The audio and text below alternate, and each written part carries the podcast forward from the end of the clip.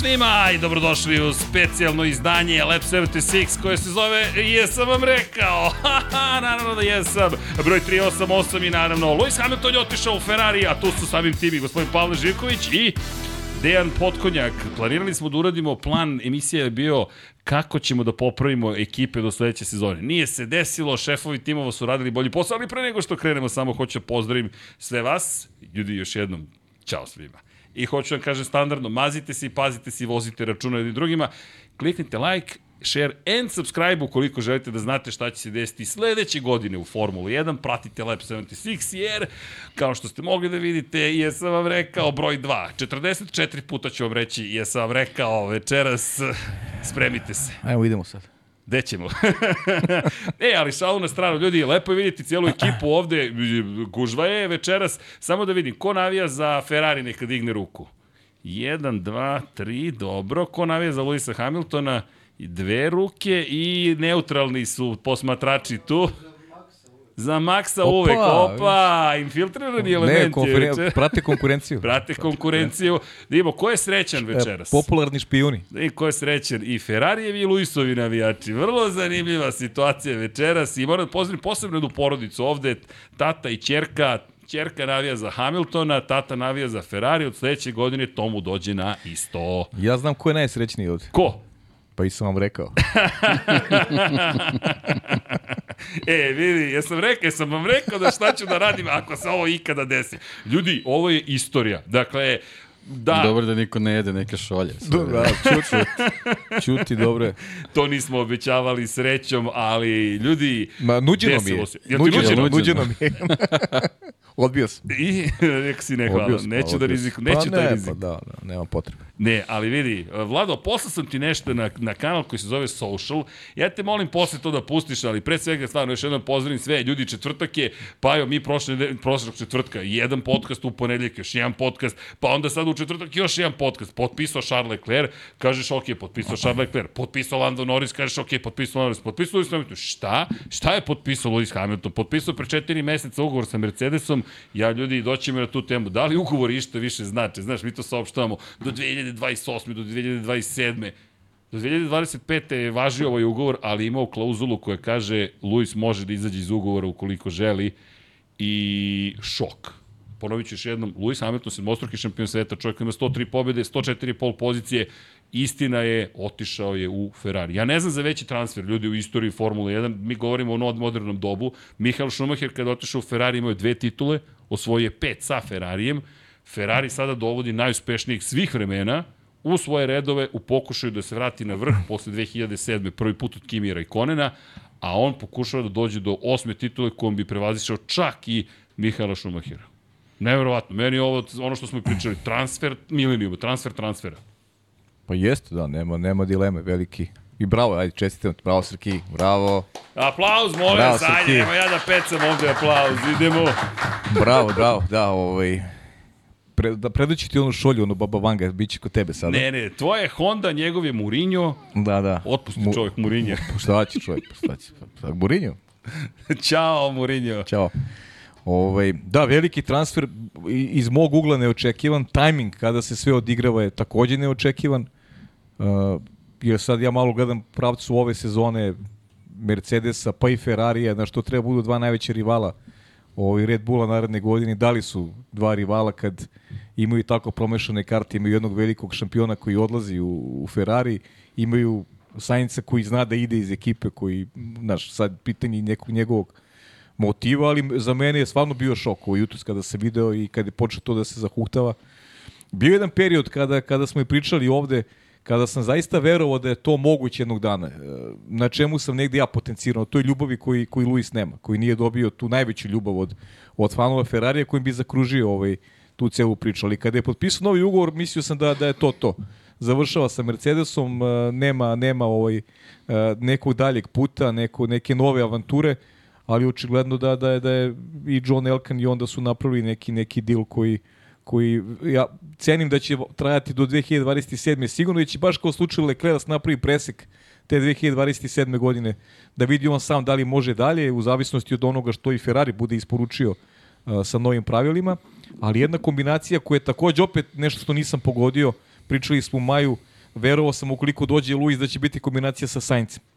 Znaš, ovo je sada kombinacija Hamilton i Leclerc. Znaš, ovo je, uh, u četvrtak smo verovali da je Leclerc vođe nekog projekta Ferrarija dugoročnog, da li sada verujemo da je Leclerc vođe nekog projekta Ferrarijevog uh, dugoročnog. Znaš, 2025. dolazimo Lewis Hamilton, znaš, ono što Leclerc može da ovaj, da, da kaže kao neki benefit je što sad prepostavljamo da Luis neće da vozi šest godina u Ferrariju, jer s obzirom da koliko godina ima sada, ali opet sve je moguće, više ne bih se bavio prognozama kada je ta neka uh, budućnost Luisa Hamiltona u Ferrariju, ali iskreno ti kažem, raduje se, radujem se to nekoj, nekoj malo ras, drugačiju raspodeli snaga, pa da vidimo kako tu izgleda Lewis Hamilton u Ferrariju. To je, samo za tebe nije bilo nadrealno. Ovaj. Za mene i dalje jeste. Deki kaže ovde u komentarima će da osedi. Da. Ne, Pa, da. Deki, Neću, ne verujem da ću da osedim, ali generalno ovo što Paja kaže, stvarno ovaj, neočekivani potez u neočekivanom trenutku, ali je onako u, u, u nekoj u nekim našim dijalozima, u nekoj priči je bilo moguće da se desi, ali po meni samo iz te neke, iz tog nekog Google-a Luisa Hamiltona, ono što se tiče Ferrarija, ne znam, ne znam kakva su, kakva su razmišljanja posle, posebno posle svih ovih personalnih uh, premišljanja, pretumbacija šta, šta uraditi. Ovo je baš onako neočekivano, ali generalno kad se sve podvuče crta Formula 1 je ovim dobila mnogo posebno za onih stvari, zbog stvari koji su se juče desile, tako da, Da, da. ovaj opet su na dobitku, tako da kako god neko drugi radi za njih i generalno ovo je pozitivna vest za Formulu 1. Da, pazite, ajmo još, ima tu mnogo stvari o kojima ćemo i pričati večeras. Ovo, koliko god da sam očekivao, čak i u četvrtak sam moram ti reći rekao, Hamilton ipak Jes, ide u pa Ferrari. znaš da sam ti ja rekao, znaš, gde je logika onda, znaš, Leclerc, daješ mu ugovor 2029, znaš, gde je logika. Znaš, ja i dalje ne vidim neku, neku posebnu logiku, ali je super što se stvari malo mešaju. Znaš, to je, to je lepo što kaže Deki, formula dobija i, i interesuje baš kako će navijači Ferrarija reagovati. Jel kažete, to smo danas i pričali ovaj, uh, tokom dana, uh, Lewis Hamilton ovim dobija, dobija ljubav.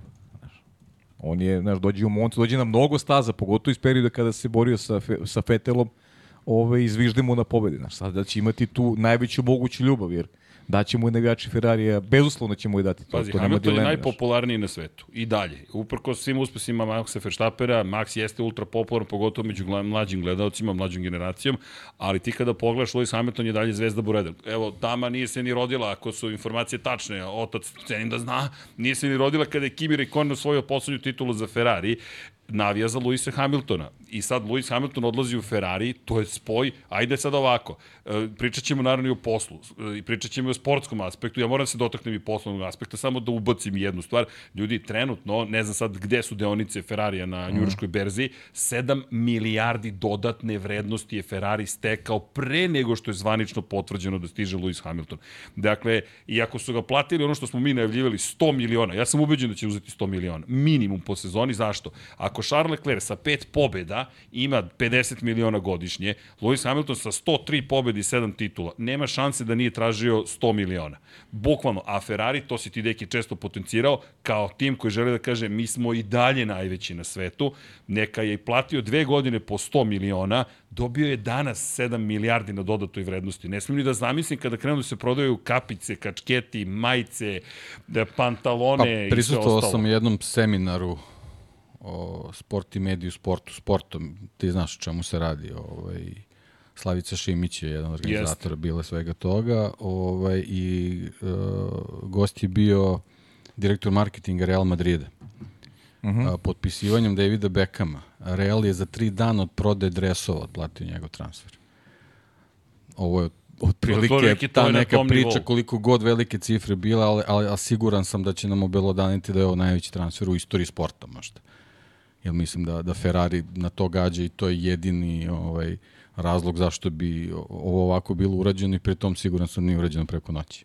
Da, pa, ovo se nije desilo 31. Tako da, tako januara. da taj transfer Leclerca je u stvari možda bila završnica čitave priče sa Lewisom Hamiltonom.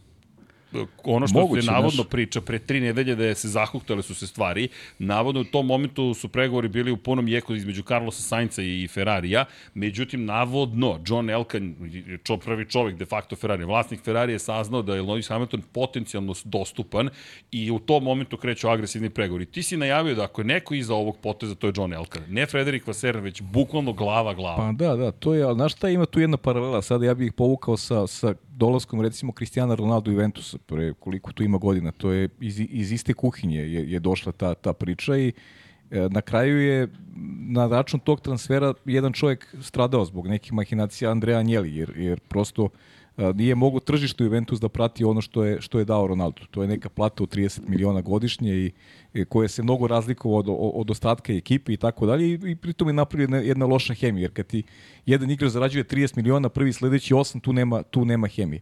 Uh, ubeđe se da, da će Ferrari s ovim transferom Hamiltona da, da će da zarade, da će biti na, na, na, na, na, dobitku jer je Hamilton uh, globalna zvezda i samim tim uh, za, za, za taj neki deo priče mislim da Ferrari ne treba da brine. U sportskom smislu, da li je to potez koji će da im donese ono što Žarko žele, šampionsku titulu, to ćemo, to ćemo da saznamo, zavisi od toga kakav bolid pripreme, pre svega za 2026. godinu, ali me zanima kako će izgledati ta konekcija. Mi smo mnogo vremena posvetili tome da Ferrari treba da, upre, da uzme neki novi kurs u, u, u, posloma, u vođenju ekipe pre svega, da, da odredi ko je tu jedan, ko je, ko je dva. Ti sad imaš eh, jednog velikog šampiona koji bi po defaultu trebao da bude vozač broj 1, ali imaš Charles Leclerc koji je dete tima i koji se nadao da će, i sad da li se nadao, da li on nije znao šta se sprema, ajde za prepostaviti je da, da je možda i znao, ali uloga njegova se potpuno drastično se menja onda od 2025. godine, jer ne verujem da će Ferrari biti u nekom maniru od ranijih godina da, da tu neće biti jasne podele ovaj, ko kosi, ko vodu nosi, da će dozvoli da, da, ovaj, da su oni trkaju sami za sebe. Prosto, prosto ne vidim da, to, da je to neka, neka opcija, ali e, što se vidjet ćemo kako će te financije da, da, da prate da prate celu priču i slaže se s tobom da ja mislim da će biti makar ono duplo, duplo veća plata sigurno za, za Luisa Hamiltona i ono što smo u jednom momentu pričali sva trojica Luis, zgodan je moment dolaska u Ferrari s obzirom da Ferrari čeka tu titulu od, od Kimi Rekoena, što je opet njemu neki izazov da se možda i oprosti od, od ovaj, aktivnog bavljenja sportom, da eto on bude taj koji će uraditi nešto nisu radili ni, ni Fernando Alonso ni Sebastian Vettel. Nisu ovaj uspeli da Ferrari vrate ovaj na presto, a imaće imaće Luis šansu i Srki ne zaboravi Luis i tajming. Uvek je bio To- dobar tajming njegovih odluka e, kako, kako voditi karijeru u kom pravcu možda i ovog puta pogodio. Pazi ovako, kada je odlazio Mercedes, svi su bili šokirani. Sećamo se da su svi rekli šta tražiš u Mercedesu. U tom momentu 2012. Mercedes je ekipa koja se de facto još uvek ne snalazi. Treća, četvrta, tu i tamo ima dobar rezultat, ali ništa što je slutilo na ovakvu dominaciju. Pričalo se o tome da nešto opet kuva Ross Brown u tom momentu, čovjek koji stavi za uspeha i Ferrarija i Benettona, kompletnih sedam titula Mihaela Schumachera, pa i naravno svoje ekipe Braun Grand Prix. Jenson Button je tamo osvojio titulu. To je isto fascinantna priča. Ceo taj kostur time je nastao kao Braun Grand Prix, kao Honda. Čak veliki deo ljudi iz Honda zapravo koji je otkupio Braun, z- otišao dalje u Mercedes. Ali Hamilton potpisuje, 2013. beleži jednu pobedu u Mađarskoj, 2014. kreće dominacija koja je trajala i trajala do poraza protiv Maxa Verstappena u Abu Dhabi 2021. Ali osam titula je osvojio u tom momentu, pri čemu, evo ovde se odmahuje već glavom, nije to bilo lako, ali se na kraju odlučilo u poslednjem krugu, u poslednje trke, drama koja se dan danas pamti. Međutim, da se vratim na Mercedes, osam titula u šampionatu konstruktora, šest titula za Hamiltona, uz jednu iz McLarena ukupno sedam jedna titula za Nika Rosberga u momentu kada je otišao, dakle, to je bilo sezonu pre promjene pravila. Sada odlazi sezonu pre promjene pravila u tim od kojih stalno očekuješ, uvek očekuješ, na dve godine. Ja sad ne znam da li tu može da se napravi direktna paralela, ali bih dodao još jednu paralelu. I to je neka vrsta možda i upozorenja i za Ferrari i za Hamilton. Valentino Rossi je potpisao za Ducati dvogodišnji ugovor. Otišao je da uradi ono što je uradio kada je otišao sa Honda na Yamahu, da osvoji titulu za Yamahu koja je od Vejna Reinija nije imala titulu 1992. godine. I 11 godina, 12 godina kasnije zapravo doneo titulu. Hamilton do, zatim, izvinjam se, 2010. potpisuje za Ducati, ali ne osvaja titulu 2000, niti 11. niti 12. niti zabeleži jednu pobedu. To je taj sportski moment. Da li je ovo ta kocka koja će otići na večnu istoriju? Jer pazi, ako Hamilton osvoji osmu titulu, ljudi, sa Ferrarijem, ne, nema dalje. Imaš titule sa McLarenom, Mercedesom i Ferrarijem. I ti si najuspešniji svih vremena po broju titula, broj pobjeda nemam pojma koji će biti, i odmakao si se pride Maxu Verstappenu i prekinuo dominaciju čoveka koji te skinuo sa trona. Pazi, ne, ja ne znam koja je veća da, motivacija. Da, zvuči tako kao što pričaš. Ali, Hollywood. ali nije poenta da samo on sedne u Ferrari i da osveti to. Tako je, tako, pa naravno. I tu I došlo... ovo što si pričao, ja bih gledao malo, nije samo jedna strana. Druga strana je da očigledno, ajde, taj transfer Mercedes, uh, McLaren Mercedes, nije on samo procenio da će Mercedes biti dobar, znači to je bio neki poziv od jednog čoveka sa strane Jeste. Mercedesa dođe, a sa druge strane možda on u tom trenutku procenio da McLaren više nije to što jeste. To što je bio u stvari. A da li Pa to mogu znači da je... pa mogu i ovde proceni isto, Pa, znaš. zato kažem, ja, ja bih pre to gledao sa te strane. Pošto Da on je, on je bukvalno, Mercedesu? bukvalno McLaren ostavio u trenutku kad im je bio najpotrebniji. U momentu kada polako da. Počinje da pada forma, kada, zapravo, je. McLaren je još uvijek bio dobar, ali Pa, se slutio pad forme. ne dovoljno dobar. I Ne bili su, dobar. bili su najbrži bolid, nisu bili najbolje organizovana ekipa. 2012. kada pogledaš najbrži bolid je imao McLaren, Jenson Button, Lewis Hamilton u kombinaciji, međutim za titulu su se borili Ferrari, Fernanda Alonso i Red Bull Sebastiana Vettela. Na kraju Vettel na velikoj nagradi Brazila u poslednjoj trci sezone osvojio tu titulu. I to je u tom trenutku njegova treća titula za redom. Znaš, i Alonso i Vettel su osetili šta znači kad samo sedneš u crveni auto. Apsolutno ništa. E, ali tu sad dolazimo Oni do priče o šefu. kvalitetom donesu, donesu nešto, ali nije dovoljno za taj finalni korak. E sad, jedna od stvari koju, izvini, koju radio Frederik Vaser, ajde, ajmo ovako, dve stvari imamo sada. Frederik Vaser, da li čini dovoljno da naoruža i Charles Leclerc i Lewisa Hamiltona ono što je potrebno? Ja bih se vratio samo na trenutak na Charles Leclerc. Ajmo ovako, koliko dugo je Charles Leclerc bio srećan kao prvi vozač ekipe Ferrari? Šta, 5 dana? Pa imaće godinu, evo, imaće godinu. Jednu godinu u kojoj klubski kolega zna da ne ostaje u Pa da, Ferrariju. pa to je da. I kako ćeš ti sad da upravljaš Saincom? Pa ne, ne, ne, mislim, nema tu, nema, nema upravljanja. Nema upravljanja. Mislim, Saincom nisu upravljali ni ranije, pogotovo sada neće da upravljaju Saincom. Ali dobro, mislim, i na Lecleru, znaš kako, to ono što sam rekao, benefite Leclera je što ne verujem da će ovo da traje, znaš, ovo, ovo je sada jedan, jedan korak, mislim da je to trogodišnji ovaj, ugovor, jer ne piše detalji, piše višegodišnji, ali verujem da je presek neka 2027. godina. Pitanje je i Luis koliko će, mislim, koliko će moći fizički da, da, da izdrži da, da bude u nekom... E, iskreno, meni deluje da je malo zakasneo potes. Kada govorimo o toj vezi Ferrari-Luis. Deluje mi na prvu loptu. Znaš, taj neki ta, pre dve godine, znaš, da, je, da se to dogodilo, mislim da je bilo više vremena da možda Luis promeni nešto u kulturi a, poslovanja samog tima, ne samo, a, ne samo ovaj, što kaže deki sedneš u bolid i voziš. Pa i Šumiju je trebalo koliko, pet godina da, da dođe do titula. Jeste. Uz grupu ljudi koje je doveo sa sobom. Jeste. Znaš, to je, to je znaš, pr prva, ona, prva bitna stvar koja je vezana za tu eru e, dominacije koju je Schumacher kreirao tih, tih pet sezona. A šta može Luis da promeni, to je sad pitanje, vidjet ćemo odgovore, nećemo znati. Zanimljivo zvuči cela priča svakako i bit će onako inspirativno i pogledati od 2025. kako će to izgledati, ali mnogo tema možemo da povučemo. Mislim da je meni najznačajnije šta mi gledamo ove godine. Šta mi gledamo ove godine? Treba neko pobedi Red Bull. Kako pobediš Red Bull kada dva najveća rivala nisu u najboljim? Evo, danas ima... Misliš da su Maxu kažu uručili da, četvrtu da, da Toto, titulu? Da Toto, mislim da je Toto Wolf, meni deluje da Toto ovo nije očekivao. Pa priča se Znaš. da mu je Luis juče javio. Da, i da nije došao na sastanak Nije danas. došao da, danas na nije došao na sastanak danas. Znaš, to je, Da. to je to šokantno deluje na ekipu. Šokantno deluje na sve ljude u Mercedesu koji su od ove godine nešto očekivali. Znaš, kako se ti sada postavljaš prema cijeloj priči, kakva će biti atmosfera u samoj garaži. Znaš, sve to, sve su to sitnice koje utiču na, na, na tog sezone. Ko, ko profitira Ali- ali- trenutno? ali više profitira Red Bull. sitnica. Znaš, pa mislim sitnica, znaš, to je, mislim da utiču sitnica, ovo je krupna stvar, naravno, mislim, utiče svaki, eh, svaka mala nepravilnost ili ti odskakanje od onoga što je standard. Ovo je, ovo je ogromna stvar i za Ferrari i za Mercedes. Pazi, 11 godina su već zajedno, Mercedes i Lewis Hamilton. Oni su nerazdvojni. Ako pogledaš, oni su sastavni deo jednog bića, jednog tima. I ti ostaješ bez čoveka koji ti je de facto lider. On ti je lider, bez obzira na ulogu Georgea Russella. brand tima. Tako je, ali pazi, sad tu ima par stvari. Vratit ću se na ovo. Šta ovo govori o Mercedesu? To si ti danas rekao. Mi smo pili čajeve i čajeve danas, ne znam koje sve diskusije se nisu vodile. Neki nisu pili samo čajeve, nećemo me imenovati, ali činjenica je da je u momentu kada smo pričali o tome, to bilo kritika i za Mercedes. Ajmo ovako, koliko je uzbudljiv tim Mercedesa bez Luisa Hamiltona? Koliko je sad Nije bitan? to kritika, to je njihova realnost. To je stvari. Znaš, to je, odlazi Lewis Hamilton i da li taj tim podjednako sada vredi? što odlazi Lewis Hamilton, nego o, Hamilton time što je otišao je u stvari pokazao koliko je vezan za Mercedes u ovom trenutku. Pazi, on I šta mu je bila karijeru. želja karijere. Ja, I šta je većini velikih šampiona želja karijere. Vratimo se na reči Sebastijana Fetela. Čak i oni koji kažu da ne navijaju za Ferrari, navijaju za Ferrari. Na kraju dana okrenuli smo ceo krug. Vraćamo se kroz celu istoriju. Evo ga Lewis Hamilton u Ferrariju. Sledeći je Max. Nemoguće se desilo. To, ti si to rekao već, sledeći je Max. Danas mi neko piše, a što, hoće otići i Max. Ja kažem, pa je to već najavio. Pa do, mislim nekako logično, on je sam to najavio, ne, ne moram mi da najavljujemo.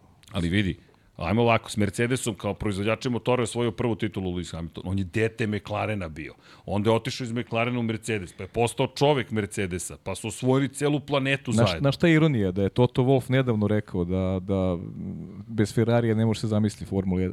Ferrariju Formula ne treba, a Formula 1 treba Ferrari. To je Toto izjavio pre 7 dana, možda ni toliko. Da, da li je, da I li, 7 dana kasnije je ostao bez, bez kapitalca. da li je neko To to, to. kontrapisao za Andreti. Andreti nije potreban Formula 1, Formula 1 potreban Andreti, ali doći ćemo na tu temu i samo da se osvrnem na to. Formula 1 je odbila prijevo ekipe Andreti i Cadillac'a za ulazak u šampionat sveta 2025. i 6.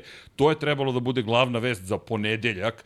To je danas zaboravljeno. Ljudi, u sredu se desilo, to je bilo juče. Danas niko ne spominje Andreti i Cadillac. Inače, čisto neki barometar. Evo, postavio sam pitanje, ljudi, postavite pitanje, ne mogu da stignem baš sve da ispratim, tako da ne zamerite, ali evo, pitanje za Ferrari navijače, da li ste zadovoljni? 55, od 858 glasova, 55 je zadovoljno, od 100, 24 ne, 21 od 100 kaže sve jedno mi. Dakle, ipak neka blaga većina ide ka tome da su zadovoljni ovim potezom. Inače, kada reč o barometrima, evo da, da udarim refresh na Instagram stranici zapravo Ferrarija zvaničnoj, do sada 1,1 milion lajkova na vest na kojem nema slike Luisa Hamiltona, samo grb Ferrarija da će se Hamilton pridružiti. Otići ću na Ovo nisu kritične informacije, ali čisto neki osjećaj. 645.000 lajkova na Leclerov potpis od pre nekoliko dana. Već sada Hamilton je generisao toliko i Ferrari zajedno pompe. Ljudi, ja ne znam koliko su... Po... e, Pozdrav svima. Pa Ja ne neka znam koliko sam poruka dobio. 1,1 milion lajkova, nek svako kupi kačket sa LH44 Ferrari je, i nek Ferrari ode 5 dolara od evra od toga. Znači, Pa dobro, koliko je, opra, koliko je opravdano, opravdanost poteza i kolika god da mu bude plata ili Ma da, šta ma god da. budu Ma dogovoreni. ne, marketički Tako sigurno da isplativo. o tom, o tom delu novca koji će Lewis Hamilton dobiti uopšte ne treba da se razgovara, Ma da. ali to je tako mali iznos u, u, u paketu čitave priče. Nisam Da... čak ni novac teo, nego čisto... Ne, ne, ali nema veda, ali čisto ti kažemo zbog one Osjećaj. priče od malo pre. Znaš, ti sad imaš čoveka koji generiše ovoliko pompe, ja kažem, dobio sam 7000 poruka, hvala vam, šta sam rekao? A, šta sam rekao? Ovo je tek Broj, molim te, lupe ovo recite. je- 17. ovo je- 17. put. Nije, Da, ovo je da, sedmi 17. put. Imam 44. Ko će dočekati još 40 ne znam, na 37 ali komada? Jesam lepo rekao. I, I opet, i to sam vam rekao šta ću da radim ukoliko se ovo desi. Besmislen, može. Evo, molim te, Vlado, Vlada ima nešto, Igor Jankovski, Vlada ima nešto spremno za nas. Molim vas, kolega. Daj mu da popije nešto. Ne, ne, pogledaj, pogledaj. Ferrari i Lewis Hamilton. Ali evo, Toto Wolff kaže da ne zna ništa o tome, da Ferrari nije ponudio nikakav ugovor. Ovo, pa je li on potpisuje ili Lewis Hamilton? Zašto bi Toto Wolff morao sve da zna? Ne znam, je on menadžer Luisa Hamiltona? Ja Da. stojim pri tome da verujem da bi to bio transfer milenijuma. Najuspešniji vozač svih vremena, trenutno najpopularniji vozač, popularniji od Maxa Verstappena, u najvećoj ekipi u istoriji Formule 1. Ta dva spoja i ta bitka, koncept, vratiti te Ferrariju titulu od 2007. godine i Lewis Hamilton da dođe do svoje osme, čime bi pretekao i Mihaela Schumachera, to je priča od milijardu, milijardi dolara. To vredi beskonačno mnogo, ne samo po pitanju para, nego po pitanju priče. Zamislite tu priču, pa to su filmovi, to smo pričali. Dobro, ja sam, Su- kažem ti, ja, ja sam show. i dalje, i dalje Hollywood. sam skeptičan i dalje prema, prema toj priči. Vidjet ćemo koliko je to realno, ali šta bi taj potez povukao? Gde ide Leclerc? Stvarno mislim da Ferrari ne bi upario Leclerca i Hamiltona već bi Sainz sačuvao svoje pozicije, a Hamilton bi došao na, na Leclercovo mesto. Pa njima je Lewis Hamilton sada svetionik. Zašto? Pa nema rezultata. Ti nivelišeš sve ono što se dešava tokom prethodnih godina. Propusti tima, loš bolid. Jedino što mislim da Hamilton treba da traži 100 miliona dolara. Kada je već besmislena priča, onda je besmisliš do kraja. I kažeš 100 miliona i ove garancije da ćete dovesti te, te, te, Ja mislim- U svakom slučaju uzbudljiva priča, ja se nadam, želim da se desi, zašto? Baš iz svih ovih razloga. Imao si, imao si lepu boju tada. I, e, tad sam osunčan bio. Da, sad Ali pazi, I dobro ti stoji duks. a reci. I da, da, da. Mislim, Da, pa je, Pa, da, pa, ja. sam ne e, pričam da, o da, vidi ga šef što je došao, vi, s- šulja, Pa sako. dobro, imali smo danas to zbog Luisa, zvao si ga Da, na potpis ili... Znaš gde smo bili, tako da. Da, da, da. Pa čekaj, to da spomenemo. Pa možemo Ajde da spomenemo, da ljudi, mi smo već... baš je velika čast i zadovoljstvo. Ekipa emisije Veče sa Ivanom Ivanovićem nas je zvala, danas smo gostovali, to će, ja mislim, biti emitovano sutra, Ja, da, tako, sutra, petak, tako sutra. da, eto, ko želi da sluša šta smo pričali s Ivanom, ogroman čast, stvarno je bilo super. Jest, jest. I on čovek koji je potpuni zaluđenik i baš je bilo zabavno, gde bi A, sigurno mi je uvijek zabavno. Da, pitali smo se što smo mi ovde, ali ona mi je objasnila zašto smo ovde. Malo je pala neka prozivkica, ali sve je bilo u redu.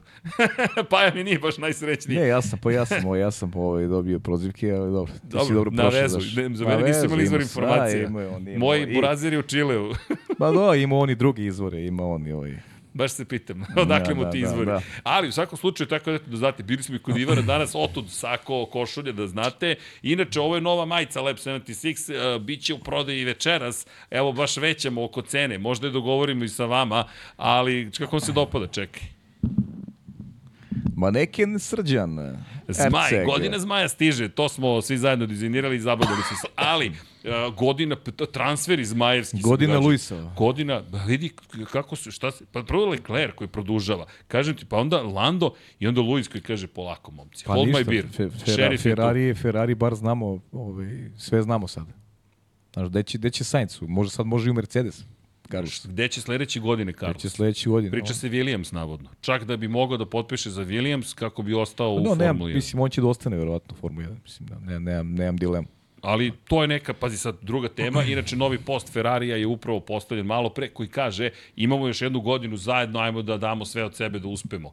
Jedva čekam da čujem prvu radio komunikaciju Carlosa Sainca, plan A, plan A, ma plan L, Ma, ne postoji. H44. Dakle, to će biti jedini plan ove godine Pa i. Mercedes, da ima njegov, njegovi njegov plan. će biti plan KS, čema, Carlos Sainz, plan svaka trka. Smooth da. operator. Pa ali i Mercedes. Od prilike Niko Rosberg plan će da bude. I Mercedes. Ra, vozim za sebe. Pa, i, a, Kako a, ti postavljaš toj, toj hirarhiji sada? Znaš, da li Kao, Luis kao Petioni? Floyd, kao Floyd na onom sastanku. Da. to ne možemo da citiramo baš Da, sve, ali... možemo, kova šiša, ja sutra vozim za sebe. Da, šta ako, što ne možeš? Može, Šta može, je? može, ništa, sve je kulturno. Ali u svakom slučaju, pazi, ogromne su promene. I ima, vratit ću se i na Tota Wolfa. Ti si ovde rekao, takođe si predvideo budućnost. Toto Wolf ne zna ništa o tome. Toto Wolf nije znao ništa o ovome prema najnovim informacijama. Nije uopšte bio u Britaniji, sazvao je sastanak sa celom fabrikom za dva popodne po Nemojte vi da se vremenu. začudite da pred kraj sledeće sezone Mercedes najave se povlači iz Formule 1. To smo već pričali mm. i zato je McLarenov potez do kraja 2030. toliko bitan. Pri čemu? Ajde sad ovo. Andretti nije dobio dozvolu. Možda Mercedes kaže hoćete kupiti ekipu. Dok vredi, a Andretti i GM dođu i kažu pa čekaj što da ne. Imaš Brekli, imaš celu fabriku, imaš cela postrojenja, imaš ljude koji mogu da nastave da rade to što rade. Konačno Mercedes je nastao na Bron Grand Prix koji je nastao na Hondi. Jer ti kada pogledaš ljudi koje danas znamo kao Mercedesov bukvalno koren, to su ljudi koji su zapravo bili već u Hondi pre Brona, pre nego što je Ross Brown stigao. Tako da Honda nije imala baš naivne angažmane. James Vowles je jedan od njih. On je bio tamo. Ti sad smešno je kada gledaš dokumentarac, oni klinci zapravo Bronu, koji su kasnije harali kao Pa Mercedes. dobro, učili su kako, kako, Kako preživljavaš živog blata. Tako Oni je. su bukvalno bili u živom blatu i, i preživjeli su nekako. Pri tom su titulu. znali da će biti teško i znali su da će jedva da osvoje titulu. I nisu se predali, nego su pokazali Tako od čega su Tako saznali. da oni znaju da se bore. Nije, nije sporno. I zanimljivo što su oni rekli da im je to najlepša godina ikada, da ne može da se ponovi uzbuđenje i osvajanje titule sa Bron Grand Prix. Jer toliko je bilo teško zapravo. Ali da se vratimo na Tota Wolfa, navodno je već stupio kontakt sa kim? Sa menadžmentom Fernanda Alonsa. Priča se da želi da dovede Fernanda Alonso sledeće godine u Mercedes. Dakle, pritom, ajmo ovako, kako se ti osjećaš kao Toto Wolf koji je dobio informaciju juče, Toto, aktiviram klauzulu, koji inače mogao da aktivira ne znam tačno do kog Nadam roka, se samo da ima neke slušalice na glavi. da nije pao Abu Dhabi To se, to se, Ros, 2021. to se Rosu Brown ne bi desilo. Pa malo teže. Mislim da bi bilo drugačije, ali Toto Wolff dobio informaciju, danas saziva sastanak, Mercedes prvi objavljuje informaciju da se razilaze, potom objavljuje Ferrari, u 20.00, a mi smo krenuli 21.00, ali šta ti radiš sada kao Toto Wolff, koji konstantno ponavlja da sa Luisom to će ići lagano, pregovori uopšte ne postoje, to je samo pitanje trenutka, potpisa, da će to biti da se Luis završava karijeru u Mercedesu. Pazi, on je trebalo da bude njihov brand ambasador. On je trebalo da predstavlja Mercedes, da nosi srebrnu, da nosi zvezdu srebrnu sa sobom do kraja života. Gde god da se pojavi da kažu Mercedes. On će ljudi sada, zamisli, to smo i pričali, kad ode u Ameriku, prva promocija u Americi Ferrarija sa Lewisom Hamiltonom, gde je on mega giga popularan, a dolaziš u situaciju da je to jedno od najbogatijih tržišta, trenutno je drugo po, po količini prode Kina, mislim da vodi, gde je isto popularan, ali popularni daleko u Americi i onda kaže, evo ja promovišem Ferrari. Šta, neće imati specijalno izdanje Ferrari LH44. I sutra, hoće vozi 24 časa Le Mans, za koga vozi? Zna se sada za koga vozi. Čuče, on će postati njihova robna marka. Zauvek. I završit će karijeru Trenutno je najuspešniji, da li će ga Max ustići, ne znam, ima puno posla. I ti si lepo rekao, možda je četvrta titula data Maxu, Dobro, jer ti sve, imaš sve je to lepo što pričaš, Dobro, ali mislim da će biti vezano za rezultate na stazi.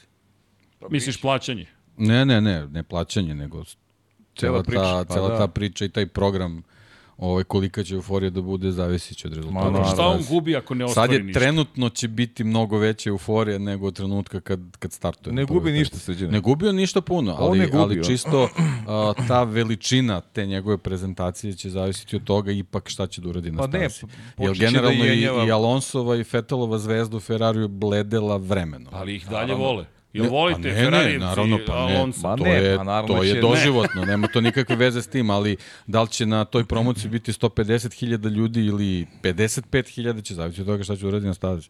Ni, ni jednog trenutka to neće biti mali brojevi, ali će od rezultata na stazi zavisiti proporcio- proporcionalno koliko će Ma ne, ljudi je, to pratiti, on je, kakva će euforija na da bude. dobitku, on je sigurno na dobitku. Ma, apsolutno, Nema dileme, nešto. on je na dobitku. Znaš, ti, kažem Od ti, danas je već na dobitku. Ono, ma da, on je, on je, srđan, on ima ljubav sad, to je to.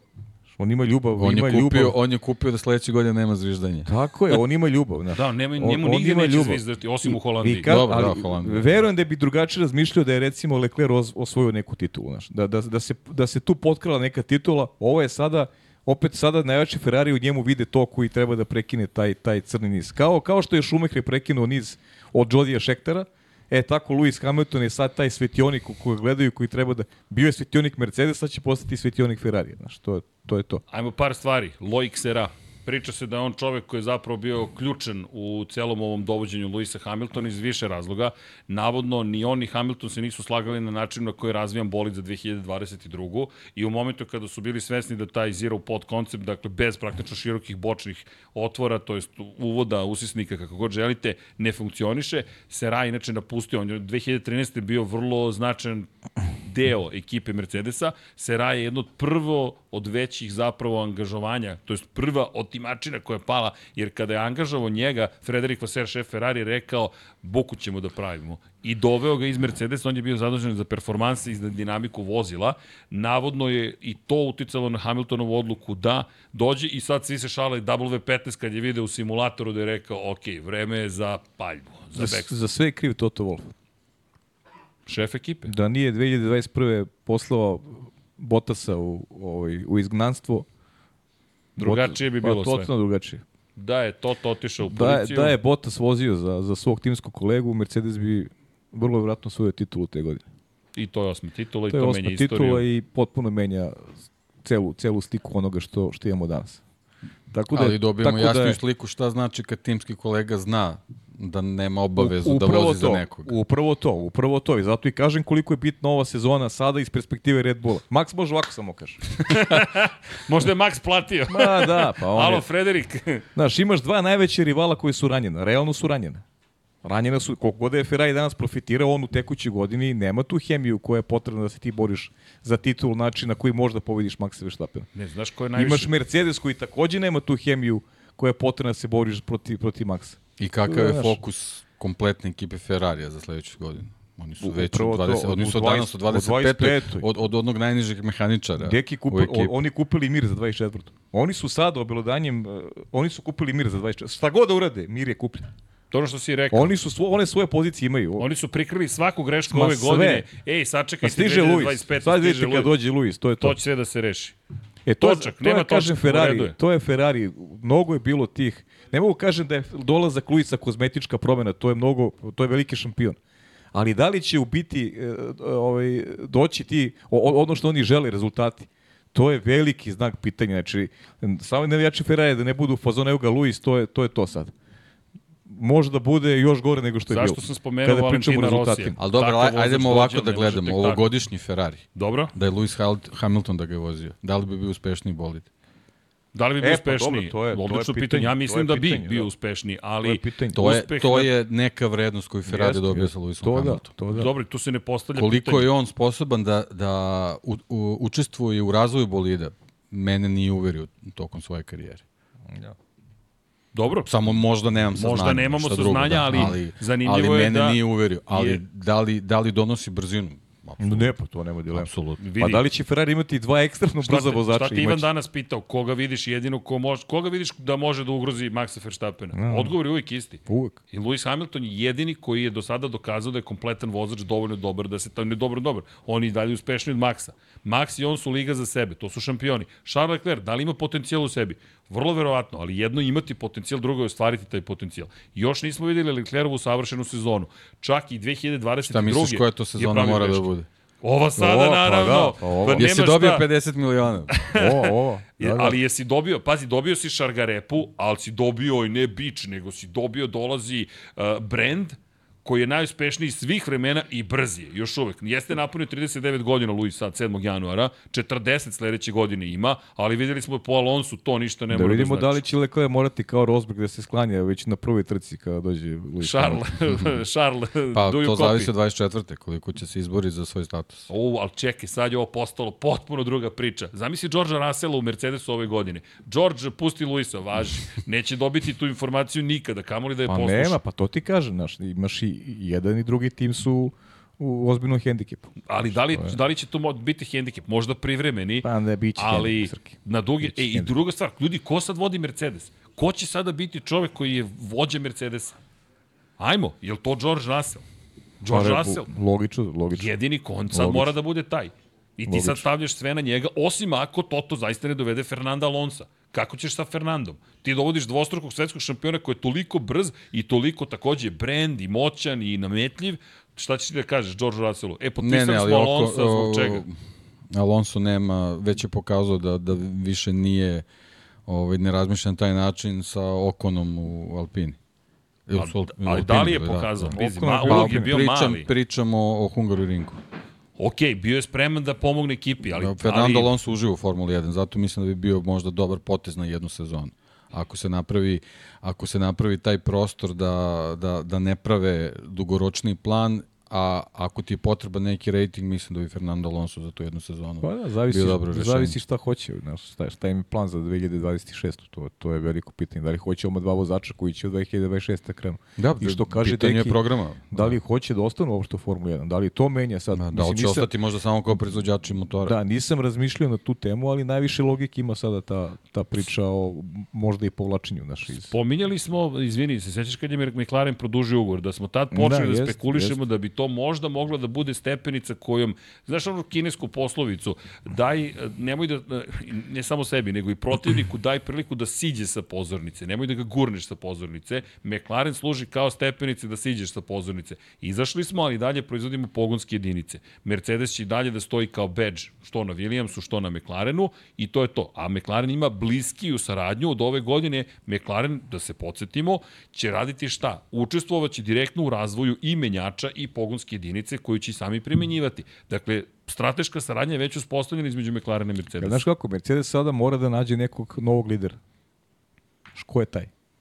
Da li je George Russell? Ne znam. Trenutno je George Da, Russell. L- Lando Norris se obavezao, opet, opet, Ali okej, opet ugovori. Ugovori, znaš. Ko piše ugovor? Jer Šta je, vidi. šta je opredelenje? Ko je taj, ko je taj neki momak koji bi mogao sutra da bude, ko je taj talent? Znaš, Kimi Antonelli, to je njihov problem, on je klinac koji tek sad treba nešto pokaže u Formuli 2. Znaš, može da se da se osloniš na, na, na, na, na, na, na Koliko na god da bude bukvalno. dobar, šta će onda radi u, u ovom svetu u Formuli 1? Jeste, jeste. Razvija bolid Mercedes. Pa mnogo, mnogo pitanja je pokrenuto, znaš. Mnogo pitanja je, ovo, ovo je baš onako veliki udar. Znaš na šta me vraća? Sećate pre par emisija da smo pričali o tome da je Toto Wolff sa svojim saradnicima izabrao samog sebe ponovo da bude šef ekipe bez nikakvih e, klauzula o performansama. Njećem se. Moje pitanje je šta bi mu sada upravni odbor rekao da je upravni odbor malo drugačiji? Toto, kako si ovo dozvolio? I pritom, šta, kak, šta ovo znači o njego, za njegovo zaveštanje? Nje, šta govori o njegovoj, njegovoj uspomeni u Formuli 1? Toto Wolff, čovek koji je dozvolio da mu u Ferrari ode Lewis Hamilton. Da li to sada za Toto Wolffa znači, ok, ovo je ne osveta, ali pazi, oni godinu celu treba da provedu zajedno, a ljubav lako preraste u mržnju. Granica je vrlo tanka, pri čemu, ako angažuje Alonsa, ajmo da se vratimo na istorijet Lewisa Hamiltona i Fernanda Alonsa, tu ljubavi koliko god da ima, Pa nema. dobro, mislim da to Luisa apsolutno ne zanima. A ne Luisa, ali Tota možda zanima. Da dovede Alonso i kaže, ok, ajmo da budemo bolji od Pa Hamiltona znam, u ali Ferrari. ti, ti treba da vodiš ekipu da ona ima, ne, ne, izin, ne da se inatiš, znaš, nego, nego da radiš stvari koje će da budu... Dobro, drugo to je Srki, se je romantik. Da, Da, da, A uz romansu ja, ide inat. ja, ne, ja, Ne ja to ne verujem, ne verujem da je baš na taj način Toto sad rezon, aj sad da Tako ste dovedem, mi se znaš, smeli, a šta sam vam rekao? Koji je, lo, jel, dos, jel smo došli do 20, bar molim te. Da, si da. brojao, nisi? Nisam, nisam. Ja. Ne broj ne mogu da. Pa ne, nema tu nema kraja. Ne, nema to, je, to beskonačno. 444 To je beskonačno. puta će da. To je moja beskonačno. godina, godina zmaja. 76 puta 76. Godina Srkijev. Da. Ne, ka- vidi, samo, samo da znaš. Ne, okej, samo se ne slažemo, sve u redu. Ne, ne, ma znaš. ne, tu, ka, ka, ja ne, Ne moraš da objašnjavaš. aplauz za Bajo, Bajo, aplauz. Da. E, vidjet ćeš. E, vidi. ne, ako, vidjet ćeš. ali pazi, mene bi zabavljalo. Zamisli potpišu sa Alonsom ugovor i onda Fernando, idemo. Fernando u Mercedesu, pa to je isto luda karijera. Od Minardija preko Renaulta, McLarena, Ferrarija, Alpine, ponovo Renaulta, McLarena, ponovo do čega. Ajmo da uživamo u ovoj. Samo da, Aston samo da mu ne, ne nađu kog Mercedesa. Kangi da je rođen. Da, da. da ima 59 godina. Da je starac počeo. ne mogu ne izgovorim, da. Pa zato i kažem, ja naš Ne, Luis... postao mi je već sumnjiv, ja ne znam, Pa ja bi da. mu ličnu kartu svaki put Nemoj razvio. da te čuje. Hasan će te čuje. Nemoj da Gaš, u, šta Da, nam, da. da, ti se javio Hasan? E, nešto, da, da, Hasan da, mi Ne, da. se samo- učutao samo prati, danas, ništa ne- čeka. Da, javit će se, Ništa ne, ne javlja. Se. Javit će se. A, jako, evo, javljaju se drugari, ali znaš koliko poruka sam dobio? Ej, svaka čast, svaka čast, svaka čast, svaka čast. Ja mislim da izgoreo telefon danas. Srki je si čuo, čuo sam ovo iz prošlosti otprilike, ali stvarno je zabavno koliko ljudi je uzbuđeno onim što se dešava. A ne, do poruke stižu ceo dan, od momenta kad se pojavilo. I koliko da. jednom Formula 1 ponovo, a, pri, pri, pričat ćemo ne, nekada o Andretiju, marketinški, ali... pa pričat ćemo, ali marketinški je fenomen. Pa ne, Haos. marketinški za Ferrari, za, za, Ma za sve, za, za sve. za sve je super. Ne znam, ve- Veliki, veliki šampion i i interesantna epoha nas čeka. I tog nekog profesionalnog ugla bit će zabavno da vidimo kako, znaš, kako će to sve da izgleda, ovaj, da izgleda u praksi. Malo da se promešaju karte, ovaj, nije, nije loše uopšte. Karte su definitivno promešane i za ovu sezonu, sve ovo što smo rekli. Sainz sada koji je pušten s lanca, ljudi, koji, koji, koji ti primenjuješ taktik, šta ćeš da mu kažeš? Mene je to osnovna stvar. Za dvije, I ajde, znaš, da živimo, treba živimo ovu sezonu. Treba da nam bude zabavno. Bojim se da sa ovim današnjim događajem no, ovaj, da neće to baš biti tako. Ali dobro, šta da se radi. Dobro, svakako da nas demantuju. Daj Bože da Slažu nas se demantuju. kockice, uzbudljivo će biti. Da. Jer me, pazi, meni se dopada. Mi sada imamo McLaren gde generalno nemamo pravi, ne, timske naredbe. I imamo sada Mercedes u kojem će to biti neprimenjivo, Ferrari u kojem će to biti neprimenjivo. To su dve od tri najjače ekipe i imaš Red Bull gde Max Ja mislim da je Čeko trlja ruke, da je Čeko rekao, ljudi, ja samo da me niko ne primeti u svemu ovome, ja moju poziciju broj 2 da sačujem, samo da radio Kamo, posao. kamo sreći da razmišlja tako. da, to je baš bilo lepo. da ne kaže, ja ću da osvojim titulu ove godine.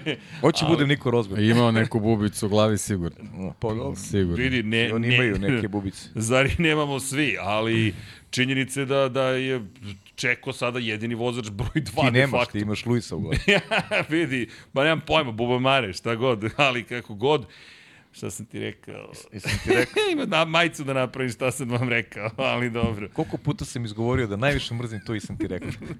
E, sad da. Ali ješ, Karma. karma je čudo. Da. Pa dobro, ali vidi, zar nije zabavno? Jeste, šali se. U svakom slučaju, da, Lewis Hamilton u Ferrariju. Ja, e, hteo sam da pravim poređenje sa još nekim stvarima, ali razmišljam o svim tim transferima. Ho- Iz Honda otišao Rossi, ne znam, Vettel otišao u Ferrari iz Red Bulla posle četiri titule, pa onda pogledaš sada Mark Marquez u Moto Grand Prix otišao iz velike ekipe u malu. Ne postoji, ništa ne može da se uporedi s Ferrarijem. Nije bitno za koga navijate. Mi samo govorimo o činjenicama, to je da je Ferrari istorija Formule 1. Ljudi, to je tim koji postoji od osnivanja šampionata i tu je uvek. I, i to je... I Enzo bi bio danas zadovoljan isto. Enzo bi trljao Da, ruke. Konačno Britanac, u Ferrari. Britanac. Kad smo poslednji put imali Britanca? Čekaj, je li bio? Mansell. Je li Mansell? Mansell, da. Mansell. Pazi, to je, jeste. ko je, Ne, sad 89. gledam da li, 90. ne znam čak ni da je bio test vozač neki, mislim da nije. Ja se ne Nem- sećam iskreno. Ovako sad, Sad imaju, sad imaju, Plus. sad imaju i rezervnog vozača Britanca. Da, Oliver, Oliver Berman je Berman. potvrđen. Ali da, za one koji ne znaju, inače Enzo Ferrari je voleo britanski vozač. Ne, obožavao, da. Baš ih je voleo.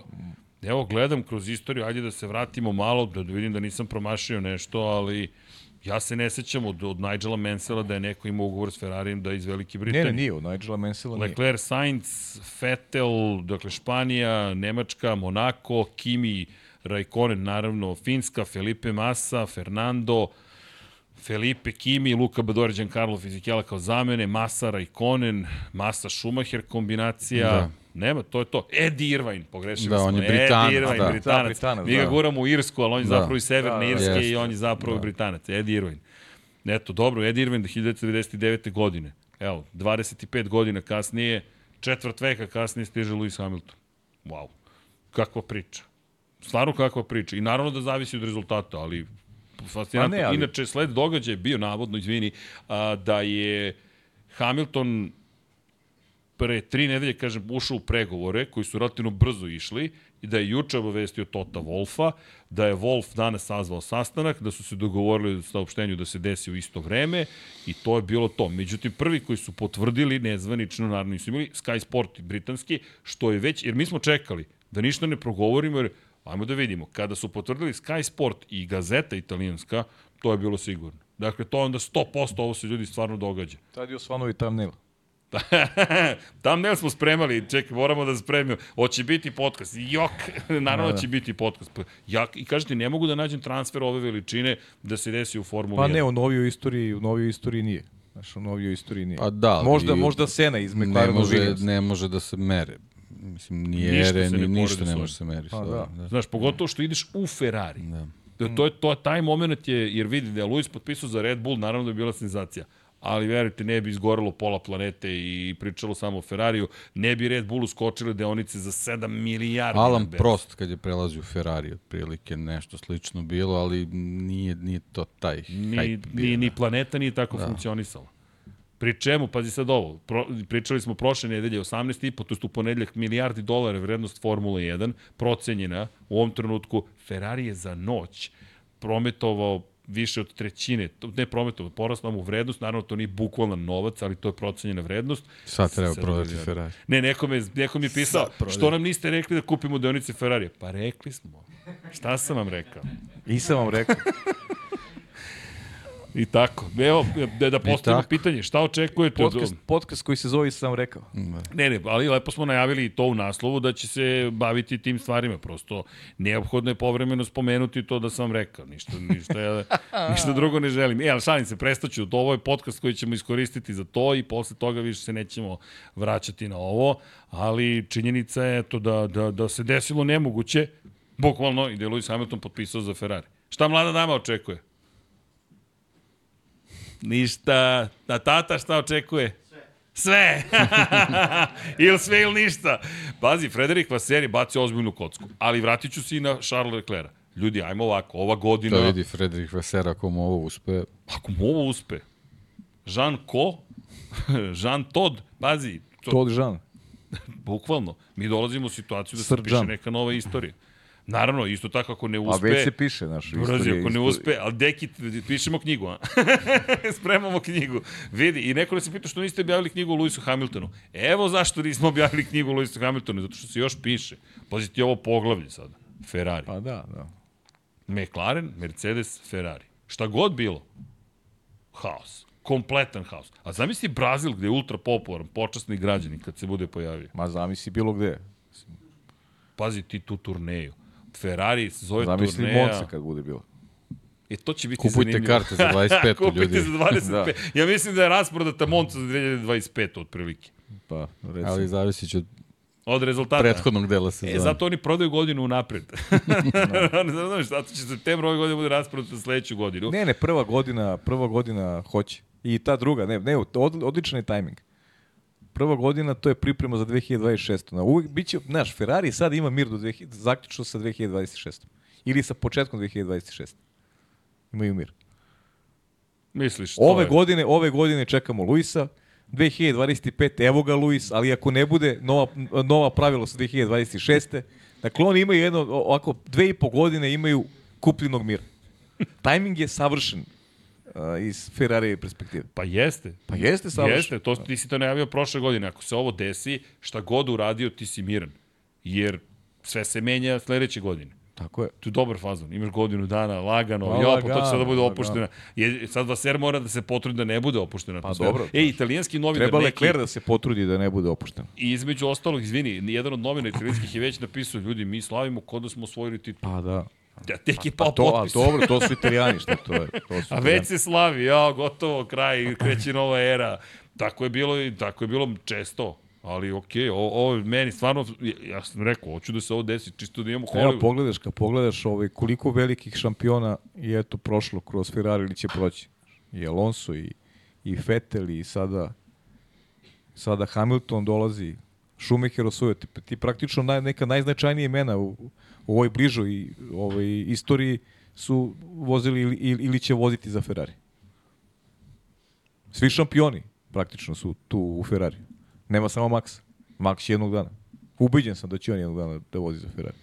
Pa dobro, ovo sada ti je još jedna potvrda koliko svi zapravo žele. Kada je 2021. Lewis Hamilton izjavio, čudno, bit će čudno to što nisam vozio zapravo Ali za nije Ferrari. to on, ono nekoj periodu, taj ono Jody Scheckter, pa znaš, nije bilo baš ovaj, na, na, na taj način ovaj, ispoljena i ta neka privrženost i, želja tih najboljih vozača da se da se nađu u, u Ferrari. Kao je recimo sada Luis ovaj moment, timing, taj sportski nema neke neke prevelike logike, ali ovaj uh, taj neki drugi aspekt je mm, onako jasno jasan pokazatelj da da da je Luis odavno imao tu tu tu želju da se da se oproba u italijanskom timu. Da, ja mislim da je, de, da. Deki to super rekao u kontekstu priče o tome da zapravo, zapravo, kada pogledaš, mi ovde imamo situaciju koja ti govori vrlo jasno da, ne govori možda vrlo jasno, ali da je Luis procenio situaciju u Mercedesu, rekao ovo ne ide tamo gdje ja želim da ide, ili je procenio nemam garancije zašto onda ne bih preuzeo najveći Pa rizik u to, svojoj ima karijeri. i toga, da. Jer on je Ima rekao,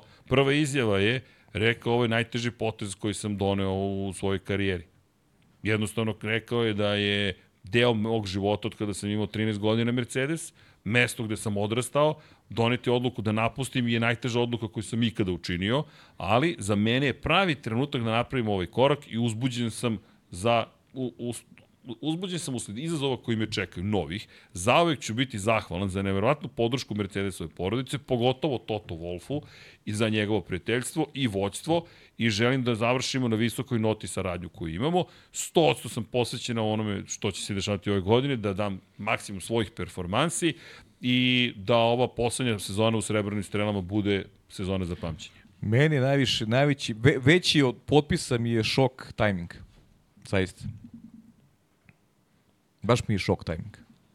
Februar, Iz praktično, njegovog... prvi februar Pa evo, naš, 2024. počinje, tu, tu ti je, testiranje su za koliko, za Ljudi, za nedelje. četiri nedelje tačno počinje sezona. 29. Znaš, ti, ti imaš, februara. imaš ambiciju, imaš ambiciju najveću, ti, znaš, ti si u neku ruku, znaš kako izgleda, kao da si uh, onako niz vetar pustio još jednu sezonu. Jer kapiram ne da ti treba neki mir, da, da ne treba javnost ovo, ovo da zna, znaš, ovo, ovo je zaista velika, ne, treba, ne trebaju ljudi unutar tima to da znaju. Ja verujem da si neki raniji transferi ovaj, obavljali negde iza, iza, nekih, iza nekih vrata u nekoj, nekoj ajde da kažemo, Pa intimi. znaš kako, ranije je bilo, ono, tradicionalno oko Monce su se znali transferi za sledeću Pa da, godinu. možda su se neka znali ranije, ali to, znaš, to se nigde ali, čuva u ali nekoj generalno tajnosti, oko znaš. Monce. Oko Monce. Ovo sada stvarno ne vidim neku neku svrhu iz pogleda tekuće sezone. Jer je okej, Monza ideš je u bilo Ferrari, mesto ali... gde je Schumacher e, saopštio da završava karijeru Ferrari kad je Da, bio. eto, to, mislim- to, to, je mesto bilo gde se A to da, i znalo. posljednje transfere negde, negde je dobio. Znalo si ranije da bude, ali znaš, hajde da saopšti, znaš, recimo, prođe 10 trka i ti nemaš ni jednu pobedu i znamo da je Mercedes loš. Pa ti saopštiš što u momentu idemo u Ferrari sledeće godine.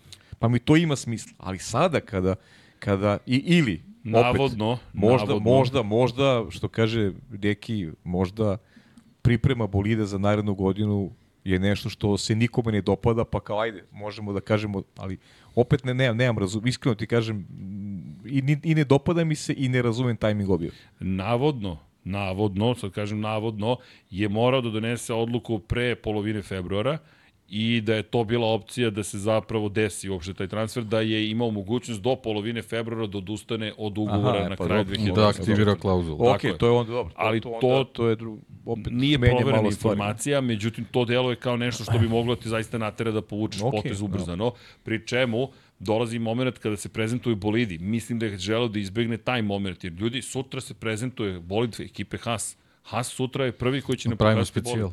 Pa ja se nadam, vidi, nisam dobio odgovor od Hasa, neki mi danas kaže, znaš šta mi je rekao, jel smijem da kažem? Ka kaže, Smeš, ne sećam se što se tamo u prostoriji, kaže, kao klop. Umor. Nema, ne, ne, ne, poneste. Um- umor stigo plave. stigo plave, stigo plavog, ali, ali činjenica je da je stvarno, kada Ali pogledaš, ostavit ćemo srce na terenu. Da, da. vidi, činjenica je da je se mnogo Pa toga ko, događa, ko, baš je vrtlog. ko predstavlja bolid, mislim, možemo to i da preskočimo. pa dobro, nije. Vidi, Sa ovim izjavama ovog Komacu, nemam potrebe baš da mu posvećujem nešto previše pažnje. Ovaj. Pa dobro, ali moramo da ispoštujemo ekipu, to je Posle, deset gite, ekipa. posle Gitarna Šta- Štajnera, ovaj, ne, Ginter- ne znam ni kako bih nazvao ovog gospodina. Ginter će na kraju biti ozbiljniji nego što iko shvatio zapravo. Ginter je već sad ozbiljniji od ovog što ga nasleđuje. Vidiš Pa- kako, kako Netflixu, znaš, osli su bez Gintera, dobili Ferrari i Luis. Dobri Ferrari Luisa, da. Tu niko neće da im, da im zatvori vrat. Ajde kad ti spomenuo Da. Netflix, ljudi, jeste vidjeli da stiže i serijal o Ayrtonu Seni? Dakle, stiže, danas je saopšteno da stiže ispet, dakle, novi serijal. Da, to ćemo sa zadrškom da sačekamo. Sačekamo, ali opet, ljudi, samo... Vidio sam da radi i NASCAR nešto. I NASCAR su, stiže, da, tako da, je. Nešto vidio sam Logana neki. Da, na, Stigo? NASCAR, da. I, Stigo, da. Ali isto tako, ajmo da budemo svesni da, da, da je Formula 1 sada nešto što što je ne broj 1, nego sa svih strana se priča o Formuli 1. Pri čemu moram da se dotaknem teme koja je juče bila tako šokantna da su Andretti i General Motors dobili jedno veliko ne da je Formula 1 saopštila bukvalno da je posle analize ustanovila da tim ne bi bio konkurentan, da ne bi robna marka Andretija doprinila dovoljno Formuli 1, nego da bi Formula 1 više značila robnoj marci Andretija, pričamo samo o biznisu. Što se tiče sporta, završilo se ne bi bili konkurentni i da bi u nepovoljan položaj dovelo imidž Formule 1 to što će uzimati motore od nekog drugog i rebrendirati ih kao da se to nikad nije dešavalo. A Tag Heuer, Red Bull Tag Heuer koji je zapravo bio Renault. Da pozdravimo porodicu, jeste zadovoljni? Na kraju. Ćao, ćao, da re. Ajde Ferarijevci, uživajte. Ne, Ćao, pozdrav. Sad ste Ferarijevci, sad je to ta, ta, ta Porodično ekipa. sada. FLH 44. E, ali pazi, pojenta je u tome da dobijaš informacije koje se vrlo malo tiču sportskih aspekata i govori se o, ne- na način na koji kao da nikada nismo niko od nas nije gledao Formulu 1. Do pre pet godina ti si imao Renault koji Red Bull nije hteo da potpiše kao Renault, nego je imenovao kao Tag Heuer. Sad je odjednom to veliki Pa problem. delo je kao lično nešto, znaš. Delo je baš... Bukvalno, i poruka je poslata. Ako Andreti s ovom podrškom ne može da uđe, koji je spreman Kako je, da plati, kako je Haas da uđe. dobro? Pa, ali vidi, i to je moment kada Formula 1 nije bila ovoliko uspešna. I ja sad uz ovu priču sa Hamiltonom skočit će, ljudi, samo pitanje koliko su akcije Formula 1 danas skočile. To nisam pogledao, ali to ću da pogledam. Tako Znaš. da je to otkazivanje Andreti u stvari dokaz da su oni znali šta će se desiti danas. A da li je zaovek to otkazivanje Andretija? Nije za ovog, nije, Nije nije, za nije, nije. To je to, znaš. Ali generalno je priča bezvezna iz prostog razloga što Andreti porodice kako god Ma da. oni ovaj poslovali u Americi, vodili svoje ekipe, bili uspešni, ne bili uspešni, mislim Mario Andretti, Michael Andretti, to stvarno da, da, da pričaš da, da oni ne bi doprineli imidžu Formula 1, meni je stvarno onako Degutantno. Da, besmislena i apsolutno se sve, sve je stvar novca, jednostavno 10 postojeće ekipa ne žele da na 11 to. delova dele, dele novac i, i to je to. Da, a i, Tako da, ovaj, i to je, što Srki kaže, i, i, i ta poruka je poslata ostalima da jednostavno da je ovo neki zatvoreni sistem od, od 10 ekipa i da će tako biti dok se nešto drugo ne promeni, a opet sa druge strane i, i ovaj, još jedna poruka je tu da generalno uh, timovi se pitaju, oni su Formula 1, a da FIA i odluke FIA generalno nikoga ne zanimaju. Ako udri neka kriza ponovo, pa možda će Tako ovdje je, se promene je. Kao stvari. što je bila kriza, ima- Haas je ono, Dok ima sa, para. obe ručke prihvaćen iz prostog razloga što su tad krenulo osipanje ekipa i ovaj, oni su bili na taj ne, neki način spasioci sa, sa, sa tim 19. i 20. automobilom, njima sad 21. i 22. ne treba, tako da ne znam, ne, ne znam šta bih rekao, ali, ali generalno mi je žao, a možda čak i u nekoj, nekoj ono, kad, kad vratimo film nazad koliko se to sve razvodilo, nekako možda i, i bilo jasno će se ovo desiti. Da jednostavno oni ne žele da, da se još neko pojavi na žurci. Pa vidi, delo je kao da je Možda poruka poslata da, svima. da pojača uloga. Ne znam, ali mislim da si u pravu da ima i delimično ličnog i da su jednostavno hoće da stave do znanja. Pri čemu? Ovo je poruka i FI. Poruka FI je, ljudi, ovo što je Deki rekao, ne pitate se, mi se pitamo, FI je ne saopštila danas da će pokrenuti postupak komunikacije sa Formula 1 grupacijom, međutim sve je to samo priča. Dakle, bukvalno samo priča i mi dolazimo sada u situaciju da, da zapravo govorimo o tome da, ej, vidi, um, hoćemo vas, ali vas zapravo nećemo, a i druga stvar, vi ste im dali zeleno svetlo. Evo vam crveno svetlo s naše strane, vaše zeleno ne znači apsolutno ništa. I još na to dodaš Lewis Hamilton i u Ferrariju. Ljudi, Andretti je niko danas spomenuo nije. Niti ćemo mi sada to pretvoriti u glavnu temu, jer ovo je najveća tema koju možeš da imaš. Pri čemu i karijera Luisa Hamiltona, za one koji ne znaju, je stvarno toliko bogata da čovek je ispunio stranice, ispisao istorijske stranice Formula 1, čovjek koji malo nije postao prvi pobednik, prvi svač. Risto Vukov, svetioničar, početnik. Čekaj, Risto! O, Risto! Čekaj, čekaj, čekaj. O, pa veliki, veliko poštovanje. Čekaj, u, ima koliko šta donacija. nam Da, stani, da, šta da, nam nam čekaj, radi čekaj, Risto? Ili- čekaj, time out moramo čekaj, da... moramo Vozi- vozi Porsche Stani, stani, stani. Prvo pa moramo da ispoštujemo sve. I Rista i sve ostale, ali ajmo ovako. Dorijan Kablar 5 eura, može li... Prvo, Naxi 010, novi svetioničar početnik. Roko drugi svetioničar početnik. Hvala. Dorijan Kablar 5 eura, može li sad Ferrari osvojiti titulu 2025. ili ipak treba čekati nova pravila? Ajmo, jel može da osvoji? Teško. Vidi, moramo sačekamo da vidimo ovu sezonu. Ma može, jel da najavim titulu, a? Hoćemo da No, mogu da kažem bre. na kvadrat šta sam vam rekao. Taj podcast ćeš sam da vodiš. čekaj, čekaj, šta se desi ako na kraju 2025. osvoje titulu Hamilton Ništa i sam ćeš Ferrari? da vodiš podcast. Pa hvala vam, šta, na to mi je nagrada, šta? A ne ni, vo, ma Jest. vodit ćemo ti na ručak isko što ti mene vodi na ručak. E, zato To, si ti meni pa smršao, vodim računa o tebi. Da, da, da. Jao, pa evo, dakle, dobro, mora večera da padne što je pre moguće. Ništa kad se Ali- vratiš lagano. Ajde. Da li može da osvoji titulu? Vrlo, vrlo teško, ali ja ću reći da može. Zašto? Pa zato što, ljudi, ajmo da vidimo ovaj projekat 676, ako su stvarno smanjili težinu, ako je koncept dovoljno dobar, ako se Ra pomogne u celoj priči, ako je Vaser sve ubedio, uključujući i menadžment, ako je Elkan stavi za cele priče i ono što će najveće pitanje, pitanje je hemija između Leclerca i Hamiltona. To niko ne spominje. Ali dobro, vidi, pa naravno, tebi na mislim- vrata dolazi Lewis Hamilton, šta ti radiš u tom trenutku? A ti si izbacio Sebastijana Fetela, oslobodio si se jednog velikana, dolazi ti drugi velikan. Znaš, Teška, mislim, teška priča. Lecleru, koliko god je taj neki život, ovaj, bankovni račun je onako miran, ovaj, stabilan i zadovoljen je time, ali znaš, kroz, kroz karijeru i, i mora tako da prođe, znaš, te neke... Mesto drugog vozača u Ferrari je Tako skupo. da, te neke Baš je skupo. Da, stramputice. Uf. Očigledno da ne Pitajte postoji... Barikele, pitajte o- Masu. Očigledno da nam se koriguje priča od ovaj, pre tri tako je, dana, tako je. jer naš Ferrari nije u njemu video to što smo mi pomislili da jeste. Znaš, to, je, to, je, to je ono što, što dolazi kao Jer zaključak. vidi, oni su se već- nameće, znaš. Već su pregovarali sa Hamiltonom kada su potpisali ugovor sa Charlesom Ali sam u toj opciji, znaš, sam Već. onako malo sam iznenađen Verovatno što je zato to bili Leclerc, i, i grubi prema Sainzu. Pa- Pa su već znali šta će dobiti. Pa da, pa da. Pa mislim, do, na to su pikirali. Jel? Pazi, oni su, oni su Saincu navodno Možda im je nudili- Leclerc bio jeftiniji. Da. da. Je to možda ne samo finansijski. Bilo je, Znaš, Bilo im jer je- vidi, bilo im je lakše da se... pa tata Sainz Nije, nije, nije nego baš naivan. šalo na stranu, mislim da im je bilo, ono, ipak su odvagali da je teže njega pustiti. Ipak Pa, je Leclerc Leclerc je deo njihove pokazao, porodice. da, da, da. E, ali par stvari. Prvo, hvala Aleksandru Jovanoviću, donirao čovjek dolar i 99 centi, hvala.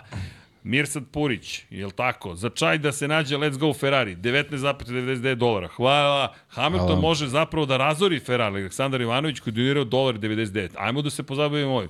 Dođe Hamilton, ništa se ne desi, pare se potroše, menadžment kaže šta je ovo, Vaseru se pokažu vrata kao jednom od mnogobrojnih šefova tima koji je prošao kroz to rotirajuće jel te vrata.